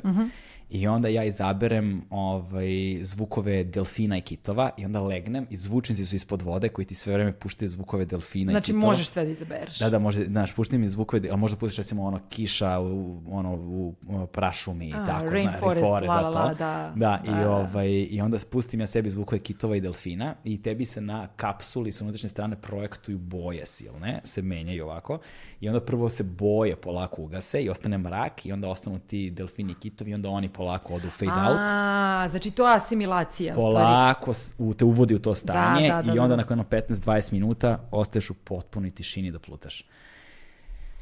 Posle jedno pola sata toga, Dobro. znači a, ta kapsula koja se bukvalno malim prstom otvara, ti nemaš snage da je otvoriš. Ne možeš da izađeš. Znači, ne možeš da izađeš, ali baš cim, znaš ono, Da. ti, e, to, ti zapravo shvatiš koliko smo stalno napadnuti. Ma napeti smo. Na, naš, Ma napeti znam, i bre, to je napadnuti. i- spazam jedan. Svako od nas je jedan hodajući spazam, čovječe. Ne Znači, ja nakon možete toga da kad se- sam izašao na ulicu, to je takva buka, to Mm. su takvi zvukovi, to je takva agresija ono, na tebe. Ništa, znači kad, savjet je, i to je naravoučenije, Mm. nakon floating kapsule staviti sluške na uši i polako se vraćati u život i u Tako je. svet, jer je ono Meni je, preveliki super, šok. meni, meni je super kod njih što oni imaju poslovnu prostoriju tamo da onda sedneš i kao dobiješ čaj, pa ti piješ Mm. čaj, pa lagano. Znaš, ono, nemoj odmah na ulicu. Nego malo se vrati ono sebi, pa onda... E, toliko dobra stvar da... da, Znam, da znači, ali znaš šta, to, to, su, to su stvari za nas, fantastične za nas koji živimo na asfaltu Da. i, ove, i, i Ko živi u velikim... prirodi ne treba mu ono. Hoću ti kažem da sam se jedva povratila posle povratka iz Perua, na primjer, gde nisam radila te stvari, ali taj kontakt sa prirodom je tamo jači, veći, intenzivniji i lakši nego bilo gde drugde. A šta si radila u Peru? Pa išla sam turistički. A samo turistički? A, ok. Nisam išla, nisam žvakala ništa i gutala ništa i šmrljala ništa ako je to bila ovaj, poenta. Nisam, što ne znači da neću, Da. ali nisam bila spremna. Da. Znaš zašta. I odbijalo me, iskreno ću ti reći, e, došla sam u Kusko. Uopšte nisam išla Lima, išla sam tamo ovaj, e, d- d- druge, druge stvari ovaj, da, da, da gledam, drugu stranu.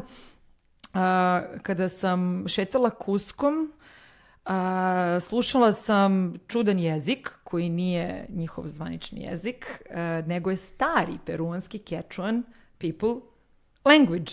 I prvo, taj trip kada slušaš to, jer ima stvarno staro sedelaca koji i dalje hoće da održavaju tradiciju e, tog govora i tog jezika, a na svakom ćošku, to me podsjetilo na Vegas, to mi se nije dopalo, piše ovaj šaman, onaj šaman, ovaj šaman, onaj šaman. Ne možeš ti Aju da probaš svuda i ne možeš da ideš ko šarlatana ako ćeš da gutaš Aju i da slušaš ovaj, da, da doživiš to, to iskustvo, to moraš na pravom mestu da radiš, ne možeš da se s time igraš jer to su jako burne reakcije. Ja sam samo se malo informisala o tome, išla sam u Peru zaista turistički, mnogo me privlači, hoćeš pošteno ti kažem, nemam petlju još uvek to da uradim. Da, da, da. A, pritom, ne, centrirana sam, u nekoj sam dobroj fazi. Ne mislim da mi treba sad da ispovraćam ili iskakim baš sve probleme ovog sveta, razumeš me, koji su meni, negde sam ok, sada sam u nekom balansu, ali verujem da možda kada se sve, kada ja budem mislila da sam sve skockala, da. I budem ok i ne mislim da će nešto da mi naruši, da me gurnu neki disbalans, možda će to biti moment kada ću to uraditi, ali to sam odlučila da ne radim ovde nego tamo svakako. Da. E, ali poenta samo izabrati, izabrati prave ljude koji će da te Postoji vode argument, po- postoji argument za i protiv um, tamo ili, ili ovde, Mhm. uh, zato što ja sam razgovarao sa različitim ljudima koji se time baš bave. Velika većina njih uh, drži poziciju da je bolje raditi tamo odakle si. Zato što se nalaziš u svom okruženju, u svom habitusu gde su stvari koje su tebi poznate jer ti rešavaš svoje probleme Tako u je. svom svetu.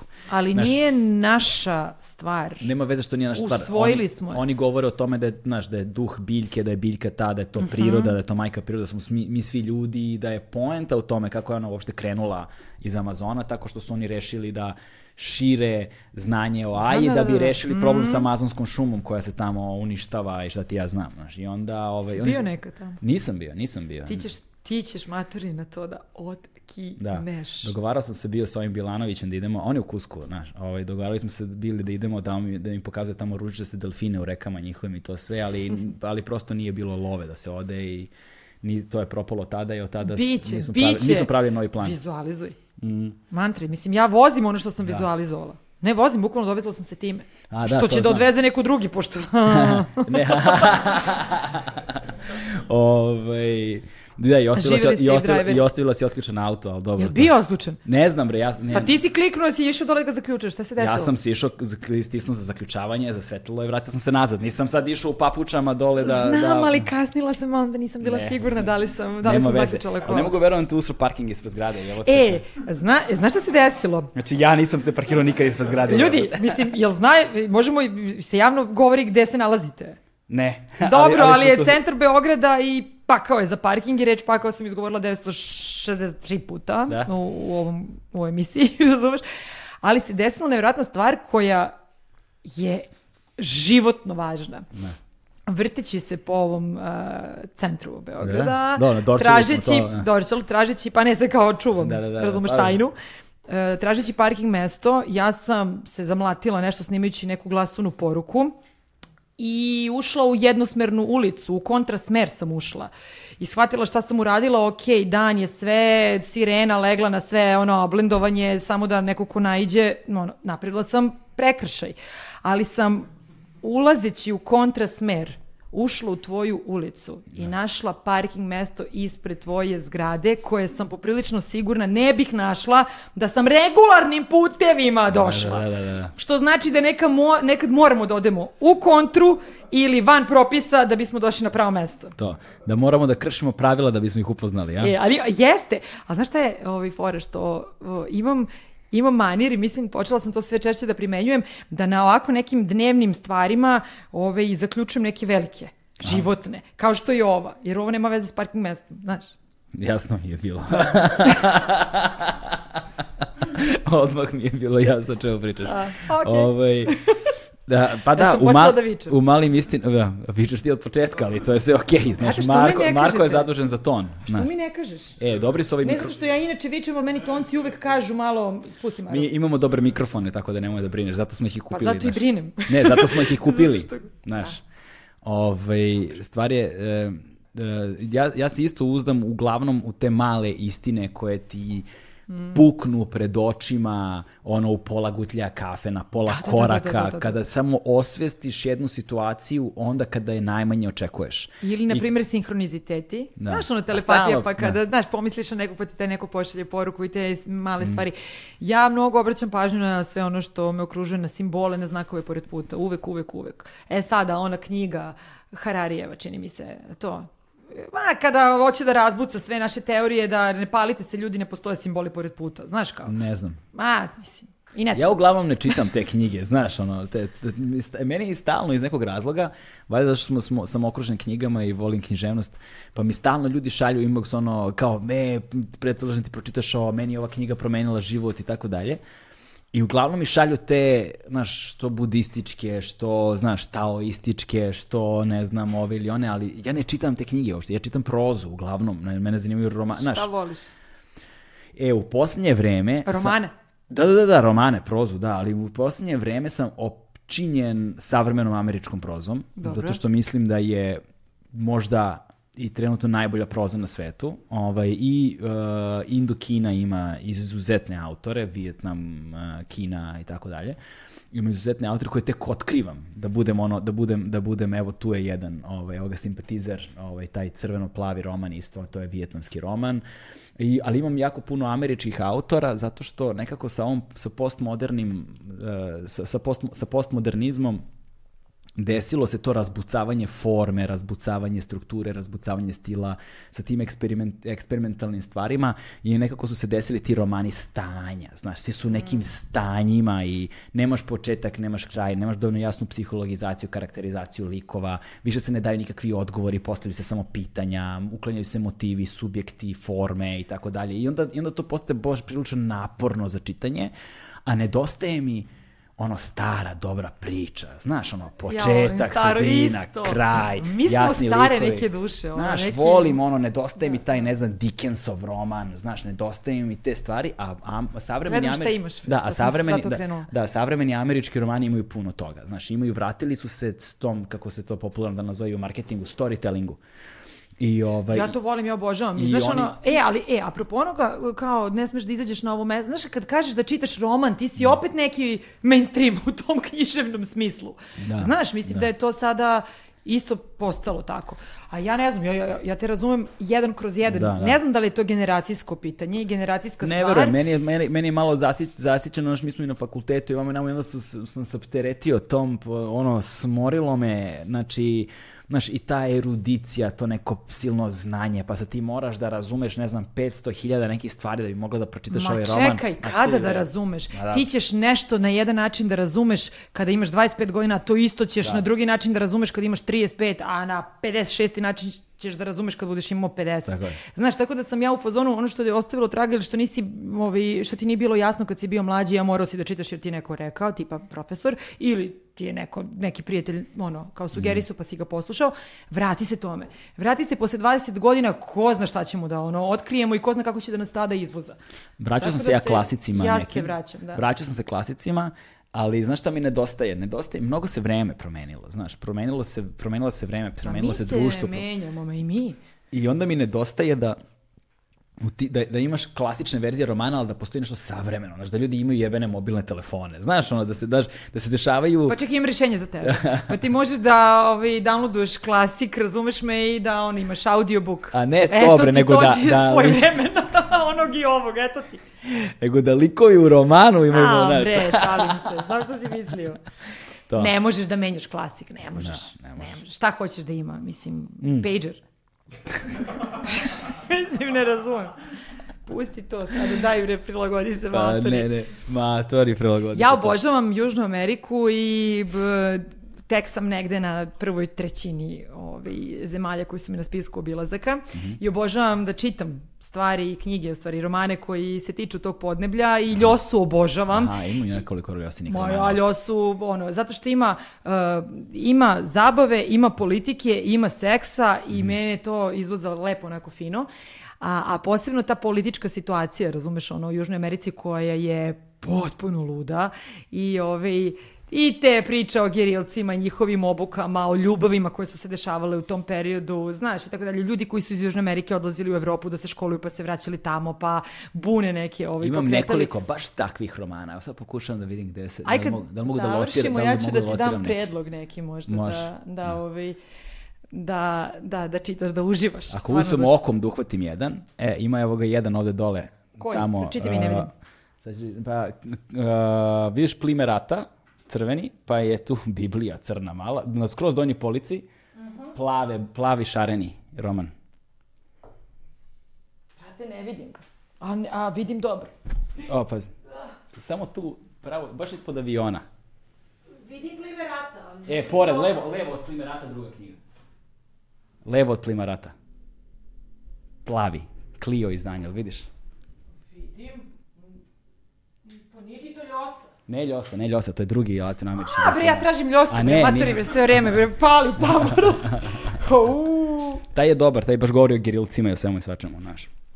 E, ali pazi, znaš šta, ja volim moj senzibilitet, to jest mom senzibilitetu, jako prije to kada se ovi provlači neka ljubavna priča uvek, pa neka je, znaš, e, neka je napeto ko u Mideru zbog rata i neka je i epoha i šta god, ali meni, meni treba ljubav, razumeš me, da bi, da bi me izvozala knjiga uglavnom. Mada, sam počela kao sumanuta u posljednjih par godina da čitam sva ludila isto. se tiču Na tu, E. na tu temu koju tebe zanima.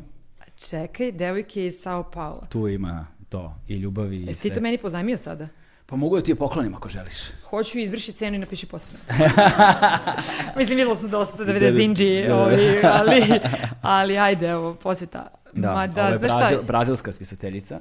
obožavam južno, južnoamerikance, njihove pisce. Mhm. Volim priče koje oni donose i e, taj, ne, ne znam, ne znam da li ti se desilo nekada da otputuješ negde i da se osjećaš kao Pogledaj, da si bukvalno, tu samo sekund, pogledaj, samo prva rečenica Ajde. opisa, doslovno sve što si navela se nalazi. Kaže ovako, Lorena Vaz Leme, bogatašica u potrazi za ljubavlju, Lija Demelo Šulc, levičarka i gerilka. I Ana Klara Konses, ko, Konsesijao, lepotica iz favele. Znači, Ma to da prvi- me zajebavaš? Da, da, da. Eto ti, to ti je, to ti je bukvalno ono što ti treba. Ništa nisi izmislio. Ništa nisam izmislio. Pa ništa, da, piši posvetu. Nemoj da mi izbegvaš što ne, ne podnosim knjige ne, bez ho- posveta. Hoću, samo ne, znaš, da evo polako bre, čovječ, da vodimo razgovor ovde svog podcasta. Da, kao imam ljude oko Da, da, dobro, dak- rade dakle, dakle, uh, obišla si jednu trećinu zemalja, kažeš, koje si planirala. A, u Južne Amerike Čile, e, pardon Čile, bože, e, Peru, Boliviju, e, Argentinu, Mhm. Eto, te četiri zemlje i od centralnoameričkih zemalja e, Kostariku i ajde, Mexican Caribbean, ta, ta strana Meksika, eto, to je, to je strašno, mislim, uzbudljivo i ta priroda je nestvarna, ja ne znam, mislim, ja sam jedini deo sveta koji na mene ostavio sličan utisak na drugi način, ali tog intenziteta je Bliski istok. Uh, ne računam Emirate, ali to su uh, Izrael, Jordan i, i, i Liban. Mm -hmm. I ja se tamo osjećam ne, ne znam, ja sam sigurno u prošlom životu bila neka da. žena ili nisam, muškarac. Nisam bio ni u jednoj od navedenih zemalja, kao naš. Tako da šta god da mi ispričaš o njima, za mene je prvi put. Pa, znaš šta, ja sam to u najluđem periodu svog života, najemotivnijem zapravo i to je e, taj period kada, kada sam ovaj, prvi put pomislila da ću se stvarno razvesti od čoveka koga sam mnogo volela, je zapravo bio odlazak u Jerusalim to niko mi nije rekao da ne treba u tom trenutku da odem tamo, jer je meni stari, mene je stari Jerusalim odvalio, mm. odvalio.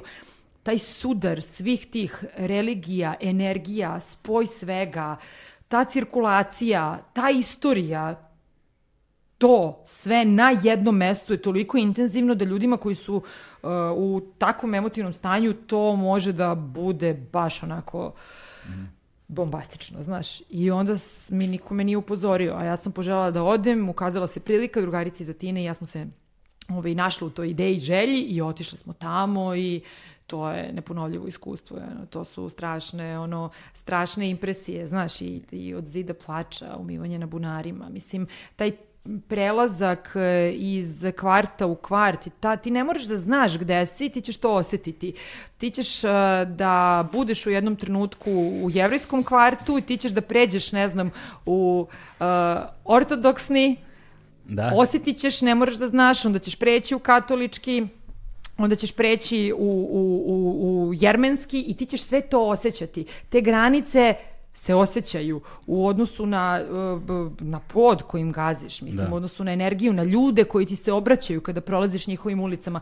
To, to je neverovatno, to te tako šalta, to je jako, jako neobično iskustvo, jako je spiritualno, jako je religiozno, ali ima svega, znaš. E sada, uh, to mesto nije loše kada pokušavaš da se nađeš. Aha, jer onda da. ćeš tačno kada se budeš našao u određenom kvartu moći da dozvoliš sebi da osjetiš kako taj uticaj deluje na tebe, da se prepustiš tom osjećaju i možda da kažeš wow, evo, evo me.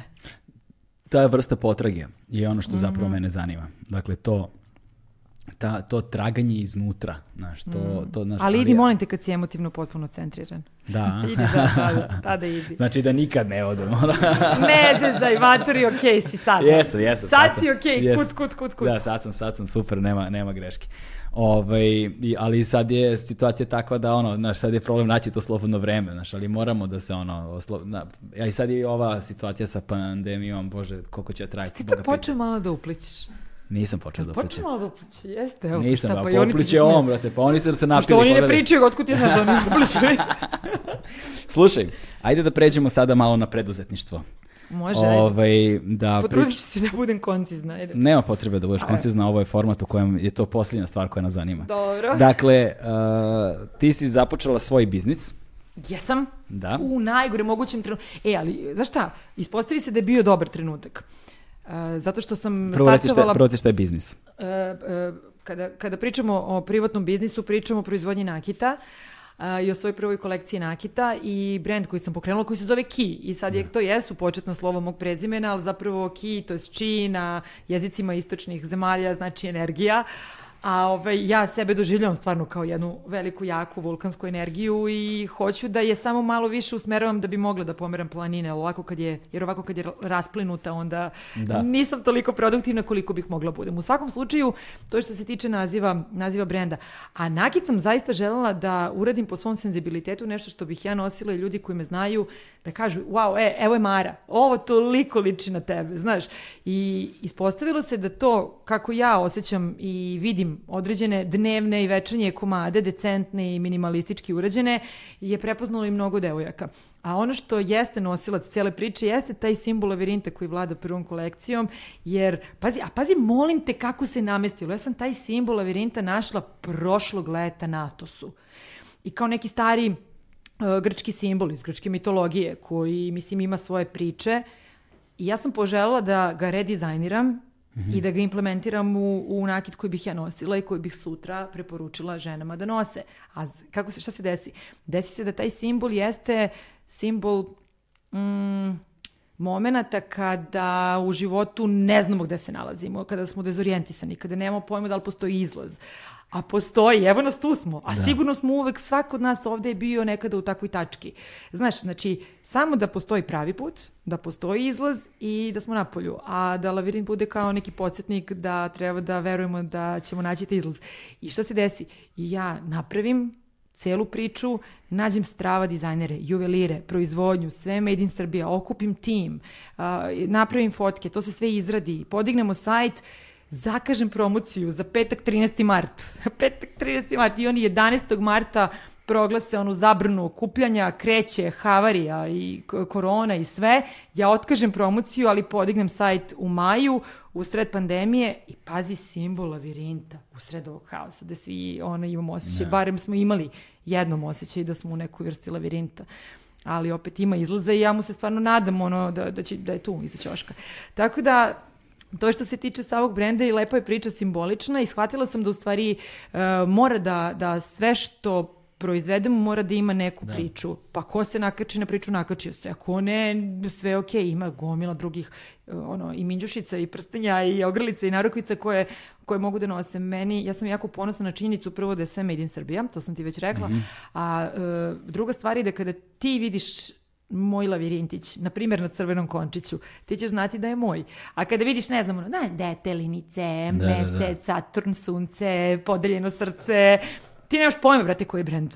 Znaš, da. i onda sam jako ponosna na tu autentičnost i na originalnost i da. nekako sad sam sama sebi zadala domaći zadatak da naredna kolekcija mora da isprati tu isto autentičnost, a, a nemam pojma kako ću iskreno ti kažem. Mislim, imam neke ideje, ali nisu mi... A zašto, za, kako nakit? Zašto nakit? E, zato što sam u fazonu da jedna sitna stvar može da oplemeni najjednostavniji outfit. Znaš, ono, i čak i raspoloženje. Da. Znaš, jer ti kada ovaj, uh, imaš jedan prsten, mm -hmm. i najobičniju belu majicu i farmerke i ono super gapatičice ti imaš neki full styling. Znaš, da. nisi casual, imaš neki, stvarno može da začini. Tako neka mala stvar koja može da, da veliku sliku onako dosta izmeni, znaš. A drugo, ja volim stvarno ovaj, mnogo nakit, a onda kada sam pronašla lavirint, samo sam negde tu želju za time da napravim nešto za sebe i pronašla koji će to simbol ovaj, da, da bude, samo spojila te dve kocke, a treća kocka zapravo neka bazična je bila rad na nekoj emisiji koju sam radila pre par godina na prvoj televiziji, zove se Super Srbija, gde smo posticali uh, male preduzetnike. Mm -hmm. Znaš, da rade proizvodnju, da učili smo ih plasmanu, promociji, dali im šansu da, da ih vidi srpska publika. To su, mislim, ljudi koji proizvode ajvar, med, uh, aksesuare za, za kućne ljubimce, sireve, da. znaš, mnogo jedna lepa priča i da u današnje vreme ako si sam svoj gazda preuzmeš i neku vrstu odgovornosti i da nema ono kao kriv ti šef ili ti kriv ovaj, gledaj, toliko sam radio, toliko sam uzeo. Ili kada znaš da hoćeš da je ladovina, niko ti nije krivo ako nisi da. ovi, doneo kintu u, u, u kuću. Ovaj, super stvar, uh, za, vrlo zanimljiva zapravo, uh, kada kod motiva lavirinta, Aha jeste veza između lavirinta i latono-američke književnosti. Ovaj, tako da, eto, vidiš, naš, postoji spojevi tamo gde možda nisi znao da postoje. A, postmoderna latinoamerička književnost i generalno postmoderna književnost su u velikoj meri oslanja na koncepte lavirinta. Borgesa, recimo, treba čitaš Borges, su, su jedni od ključnih motiva lavirinti. Znaš, tako da ovaj i struktura A, se, i struktura odakle je to da, krenulo, i struktura znaš? i struktura romana kao lavirinta i struktura narativa kao lavirinta Ali pazi, ideja. ja imam teoriju da su oni to preuzeli od starih krka. Pa jesu, pa nije teorija. A, to, to je to je kao to A, se to zna. Istina. To je istina, da, kao to je to se to, to se to, to se zna, znaš, on ima minotaure u svojim pričama, ima svašta nešto, znaš, tako pa što da. mi ne kažeš onda da, ide čiti Grke. A dobro, znaš, mislim, nekako naš više, više je u ovaj. duhu ovoga, znaš, zato da. što ipak je latinoamerička književnost sadrži, ono, to bogatstvo latinoameričke kulture, jezika, naroda, znaš. Ali njihove priče, njihova istorija je fantastična. Mm. Ma ti ćeš odlepiti, ti moraš da odeš tamo, ti bukvalno moraš da odeš tamo. Najluđe... Planiram, to je plan, znaš kako. Pazi, ako ćeš da ono, ideš na, da, da, da vidiš te lokalitete gde su ostaci majanske civilizacije ili civilizacije Inka, mm. znaš koje su to zemlje, to je Meksiko i Peru i sve. Ali ako hoćeš da vidiš najluđu prirodu na svetu, ideš u Boliviju. Nisam bila u, u Brazilu i u Čileu, bila sam samo na granici s Brazilom gde se Argentina i Brazil susreću u vodopadima, Iguazu, nacionalni park i ti vodopadi, to je bolest mozga. Što, što Ne, kažeš? ništa, ne, nego ono kao, slušam je, bi ga, razumeš? Aha, jesi Top- tamo, Da, a? da, tamo sam, Da? razumeš, da. To je, to Da. je, tako ja raj zamišljam, to je bukvalno to, da imaš samo zeleno i plavo i ništa Mm. ne postoji treća boja. Ove, ali je ta bolivijska priroda najluđa priroda koju sam ja ikada videla. Nisam ih videla malo, ali kad pomislim šta sve nisam videla, onda pomislim i da jesam. Znaš, da, ono, da, da, da. kad pomislim da nisam bila u Japanu koji mi je jedan od ovaj, snova. Bio? Bio sam gde? u Japanu. A gde? A, ja sam boravio, ja sam zapravo bio samo u Tokiju. Dobro. Ovaj, plan je bio da putujem dalje, ali kad sam stigao tamo i posle prvih nekoliko dana sam shvatio, brate, ako želiš išta da vidiš u Tokiju, znači ja imao sam tipa malo manje Moraš od da mesec dana, ostaneš nešto, da. ostao sam sve, svih ma, skoro mesec dana u Tokiju, ovaj, s time da sam samo išao do Kjota, do drevnog grada, kao gde su hramovi, ti do onih Kako hiljade tori kapija i to, to ne, sam otišao, išao sam na Fuji, ono, mountain i to. Imao sam te eksku, dobro, ek- eks- su- e- ekskurzije, ali to su jednodnevne, ono, odeš, oni imaju neke brze, one bullet trains, kao... Znam, nemaš vremena da osjetiš Vozovi u, u pola pet ujutru, bum, ono, ide 600 na sat, razumeš, da, da, i da. stigneš i ono, tamo si ceo dan Pa kakav pokretu ti je i nas- Kyoto, meni je to san. Kyoto je ludilo, Ali ja znaš. hoću da idem za vreme sakure, jer kad krene da Aha, cveta da, da, da, trešnja, da, to proleće, je magija. Ma da, ma da, kraj marta. Tako je, na kraj, mar, kraj marta i da. mislim da je oktobar isto, da je dva put godišnje, nisam siguran. Ali da, to je to, da kad je sakura. Tad, ali znaš šta je problem sa sakurom, što je tada G- vr- vrvi, vrvi, Znači, vrvi od ljudi, znam, znam, Ta- da. Taj turizam, znaš, A, znaš on- znam. oni kadrovi koje ti vidiš iz filmova i sa fotografija nacionalne geografije, što ti ja znam sa, sa tori kapijama i to, Da. to ne možeš da vidiš.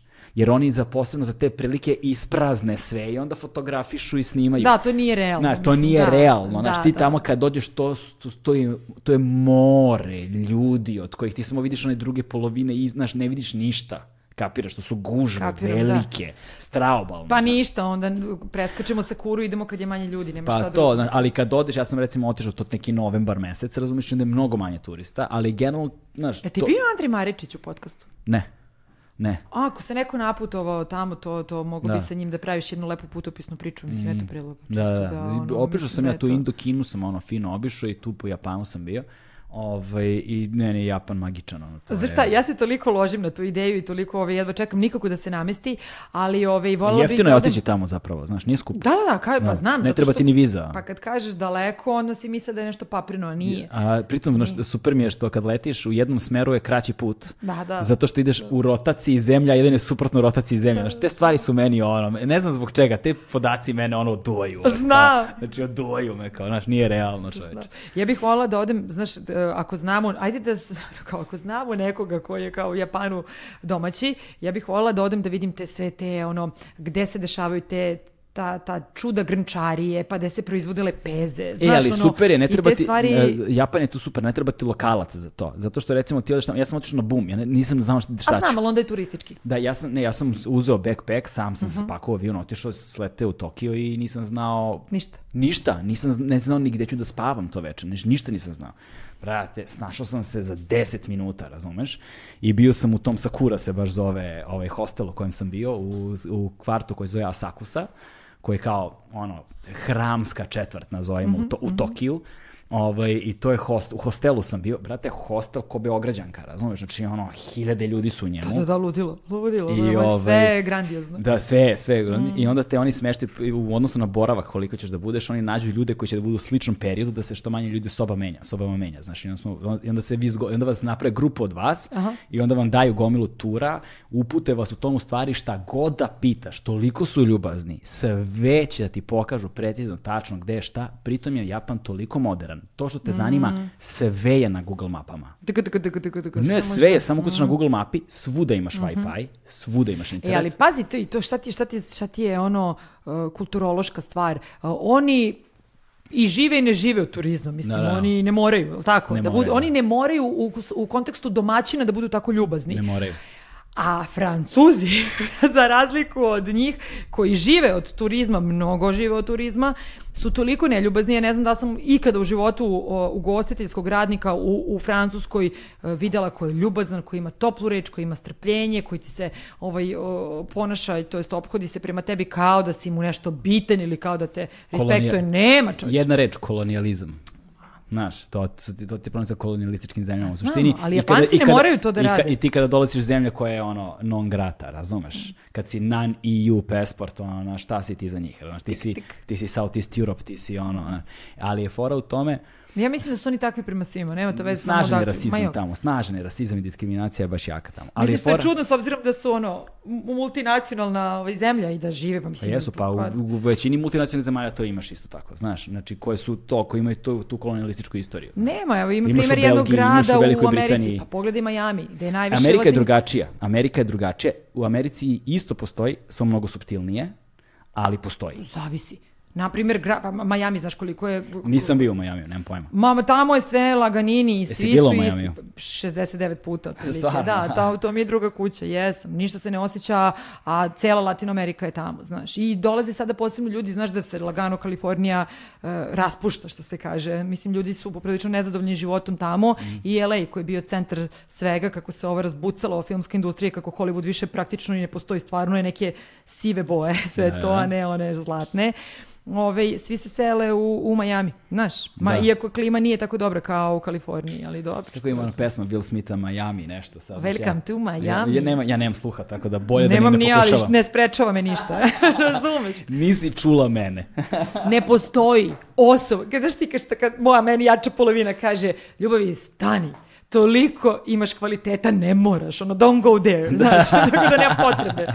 Ali volem, volem, Ali što ja kažem. sam, imao sam jedan stvar na ono bucket listi, što bi rekli seljaci. Šta, koja zemlja? Ovaj, ne zemlja, nego šta sam teo da uradim. Kad je govorimo o pevanju koje ne znam, Aha. želeo sam, jedan od razloga zašto sam želeo da ovaj, odem u Japan, jeste zato što sam ja oduvek želeo Karaoke. da, Ja, na karaoke, da, da se napijem s Japancima, ali baš sa Japancima, da se napijem u karaoke baru i da pevam Britney Spears.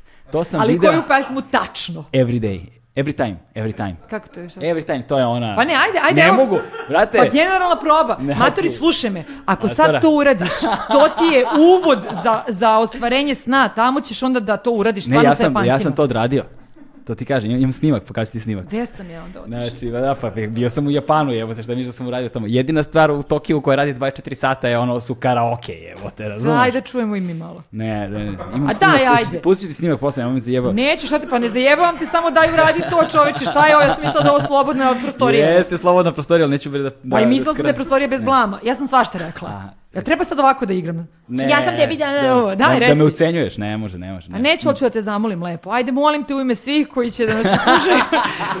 Ajde, ono. Biće fijasko, bre, ne dolazi u obzir, čovječe. Ali trađe kratko. Nemoj da vršiš pritisak na mene. Uh, krenut ću sa nekom stravo pričom, posle toga svi će zaboraviti. Ajde, molim. Ajde, ovaj, i otišao sam, Neće. otišao sam, otišao sam u karaoke da. bar, urokao Kako sam se razočaranje je. Uro, urokao sam se tamo sa Japancima Ne, ne i... zanima nas. Nemaš ništa više. Dobro. Ovaj, Strašno, više sam očekivala te.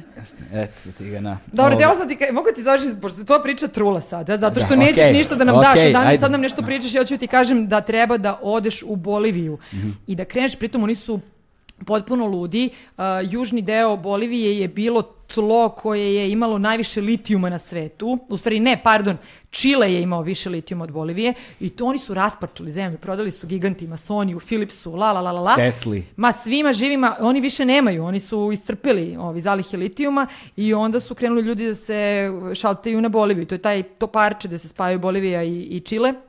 I onda šta je radio ovaj njihov diktator koji više nije ovaj tu na, na vlasti, uh, on je rekao da ne, neće prodaje zemlju, a svim, ovaj, svim silama svetskim, razumeš se, podrazumeva kada dođe jednu siromašnu zemlju da ako su došli da kupe oni i odu odatle kada su kupili. Nije opcija da im neko da neku drugu alternativu.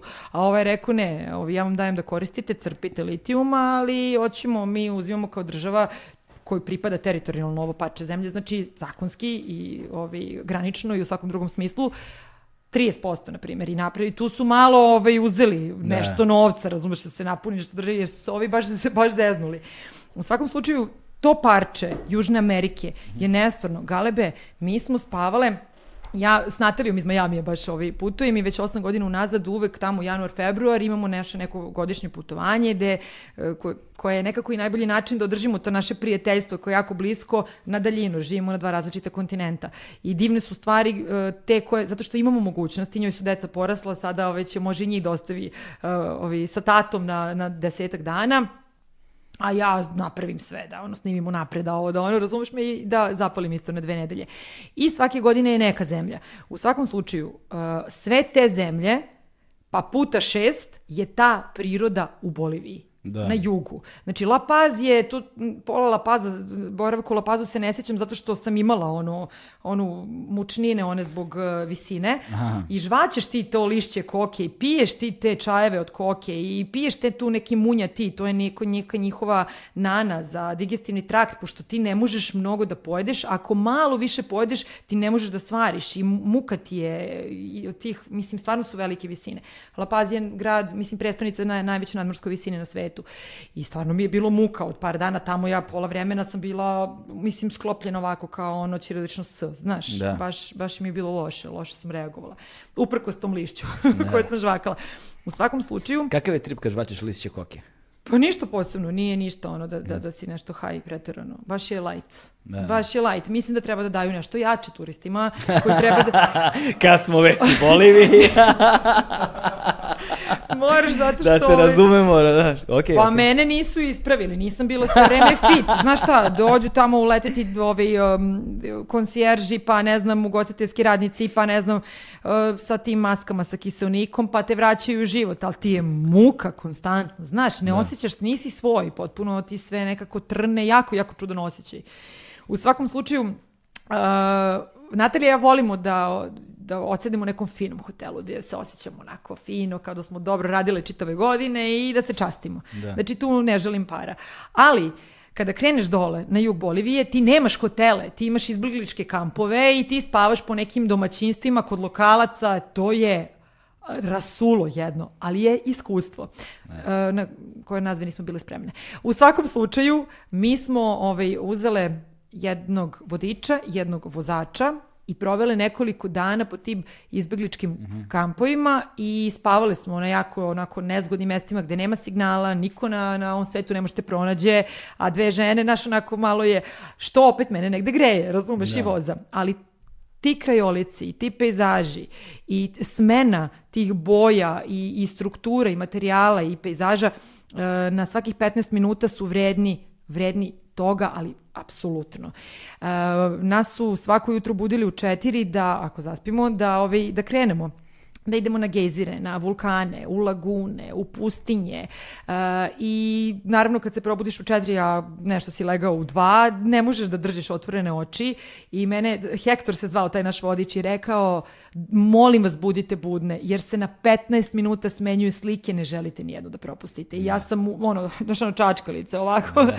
na kapke i budeš budan i te slike su na primer slike uh, kroz koje sam ja čitav ovaj karantinski period lakše preživela jer sam se ja, ja sam se stalno njima vraćala i vraćala sam se onda negde u mislima svemu tome i samo mantram kao kad će ovo sve da se završi da mogu da odem i da ponovo, ponovo da doživljavam to, a u Boliviju ću se vratiti 100%. Potpuno nestvarno, potpuno, žao mi je sad što ne možemo da pokažemo slike, ono, to je da, ludilo. Da, dobro, nije, nije ni koncept podcasta da se pokaže, nego da se ispriča. Znam, znam, ali dobro, meni je ovo novo. Da, da, e, pa da, ovaj...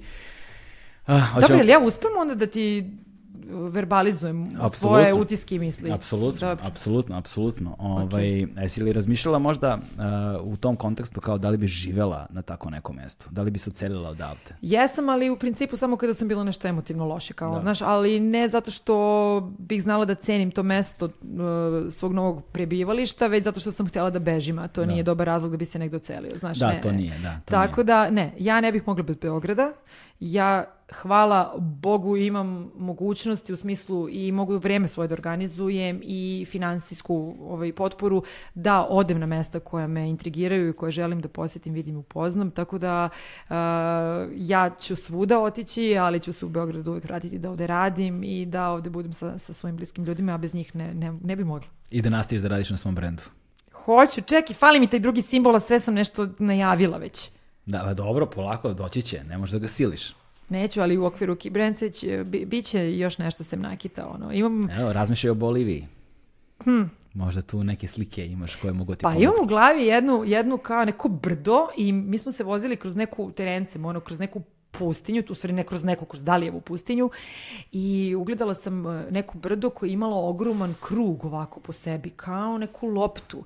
I pitam ovih Hektora vodiča, reko šta se ono desilo i on mi kaže pre ne znam koliko ciklijardi godina je tu odvalio meteor i to je ostalo tako. Znaš ti kako to izgleda? E, zato je jedina mana podcasta što nema slika. Da, dobro, nema veze. Zato, će, zato, zato si zaintrigirali ljude dovoljno da možda sad proguglaju i potraže. Da, I divno onda, to nakon, I onda nakon razgovora da im se dan nastavi u nekom drugom smeru. Ponekada koliko god ja bila vešta sa rečima i volim da pričam i nije mi teško Da. i imam i ono, logoreju i sve, a nekada mi tako nedostaju dobre reči i dobri pridevi i dobre ono reči koje će deskriptivno da, da to prikažu, razumeš moje neko iskustvo. Nekada stvarno mislim da mi treba mnogo više, a, u stvari... Latinoamerička književnost koja je posvećena tim stvarima svakako ima. Znaš, bogata im je književnost, vrlo. Svašta tu može da se Evo ga on opet reči, reči, reči, ništa slika, dobro. Pa ej, znači kažeš ti, zato je bolje, ako im daš na gotovo vide sliku i onda završe i odu, znaš, i odu dalje svojim danom, a ako im ne daš, nego su čuli, pa ih sad zanima, pa će možda da lupe pauzu, pa će da odu, pa znaš, pa će možda da ih odvede rukac, daš, ljudi, daš ljudima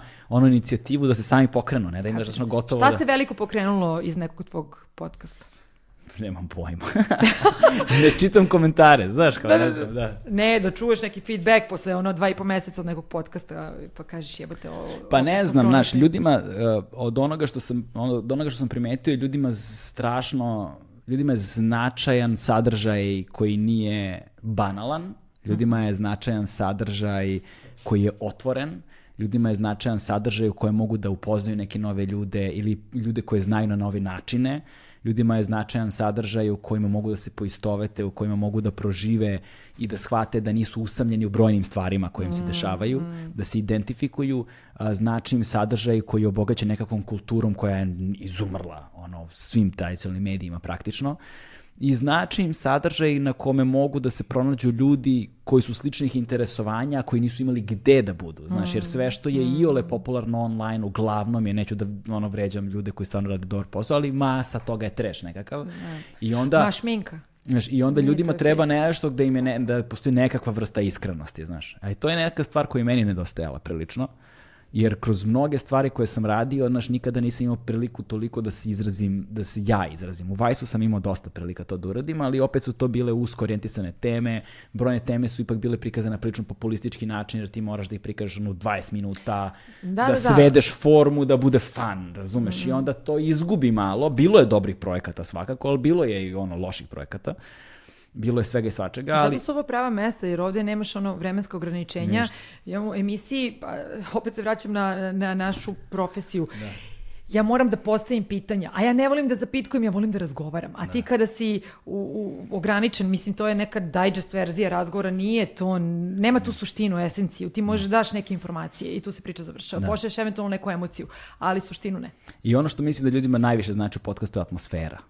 Znaš, nekako ljudi puste i kao da su zablejali s nama. Da. Kao da smo se podružili zajedno, znaš, zato što i postoji ta jedna vrsta neposrednosti, neformalnosti, prirodnosti u razgovoru, jer ovako jebi ga isto razgovaramo i, znaš, i da, da nema fotoaparata. Da, pa jeste. Znaš, da, bukvalno, jeste. s time što bi vjerojatno sad izgledao telefon i pokazivala bi mi se fotografije iz Pa si Bolivije. normalna, sve vreme mi je tu, znači Srbi Medlanovi, ali ne znaš ću dam kintu ili da je dobijem, nego što ono, hoću ti pokažem slike. Evo, sad ćemo, završimo pa ćeš da mi pokazuješ. Važi. Znaš, e, kad smo već kod toga, ovaj, ostavit ću sajt u opisu podcasta za tvoj nakit, tako da koga zanima može pogleda, E, može pa hvala. poruči. Pa, naravno. Hvala, hvala. Ovaj, tako da, da, da se ljudi upute, da ljudi znaju koliko su zainteresovani da nešto kupe. Pa ne moraju ni da kupe, mogu da vide kako, ka- kako izgleda jedan sjaj, sjajan sajt. Imam strava ekipu koji stvarno su ono super, super ljudi i kreativno lepo su uradili. Izgleda skupo. Moje, kod mene imaš narukvicu od 2500 dinara, razumeš Da. me, koja nije sad skup komad, nije skup artikal, ali kada vidiš na tom sajtu to sve deluje neko, nekako ovako, wow, mogu da, ako hoće da se otisnu neke preduzetničke vode, da možda imaju smernice. Ono, Vidiš, mogla bi počneš da držiš kurseve preduzetništva. Ne mogu, tek kursa. učim. Ne, ne, ne, ne, ne, ne, ne, ne, nisam još, još nisam zelena, ali sam zelenkasta. Da, da, da. Znaš, ni, ni, ima tu još mnogo da se, da se gilja. Znaš, stvarno je mnogo svaki dan. Pritom treba da shvatiš da ne, ne postoji radno vrijeme. Znači, svaki minut je radan i ti u svakom trenutku moraš da budeš dostupan tu za juvelira, za klijenta. Mnogo je važan client service način na koji ti komuniciraš sa ljudima koji imaju hiljadu jedno, pa ponekad, ne ponekad, često jako glupo pitanje. Znaš, ono kažu, nema glupih pitanja. Sine, ima. Koja je cena? Pa evo piše ti ovde samo baci pogled na milimetar levo. Znaš, mislim i neke stvari, pa od čega je, pa sve ti u opisu. I samo treba malo strpljenja i dostupnosti. Eto, to je negde onako mnogo, mnogo važno i to sam sve učila u hodu. Znaš. Lenjili se ljudi, to su nama te društvene mreže dale. Mislim da si u pravu. Znaš, e. Hvala ti puno još jednom što si došla u podcast. Hvala tebi ovaj, stigli, na pozivu. Stigli smo do kraja. Ovaj, hvala puno svima koji ste bili uz nas. A, mi ćemo da ostanemo, nastavimo još malo da cirkamo i da se družimo. Ovaj, a vi ukoliko želite da ne, ono, like, share, subscribe, znate sve, ne moram ja da vam pričam i ukoliko želite da podržite naš kanal, u opisu podcasta su vam linkovi za Patreon i za PayPal. Hvala puno svima, došli smo do kraja. Ćao! 叫叫叫。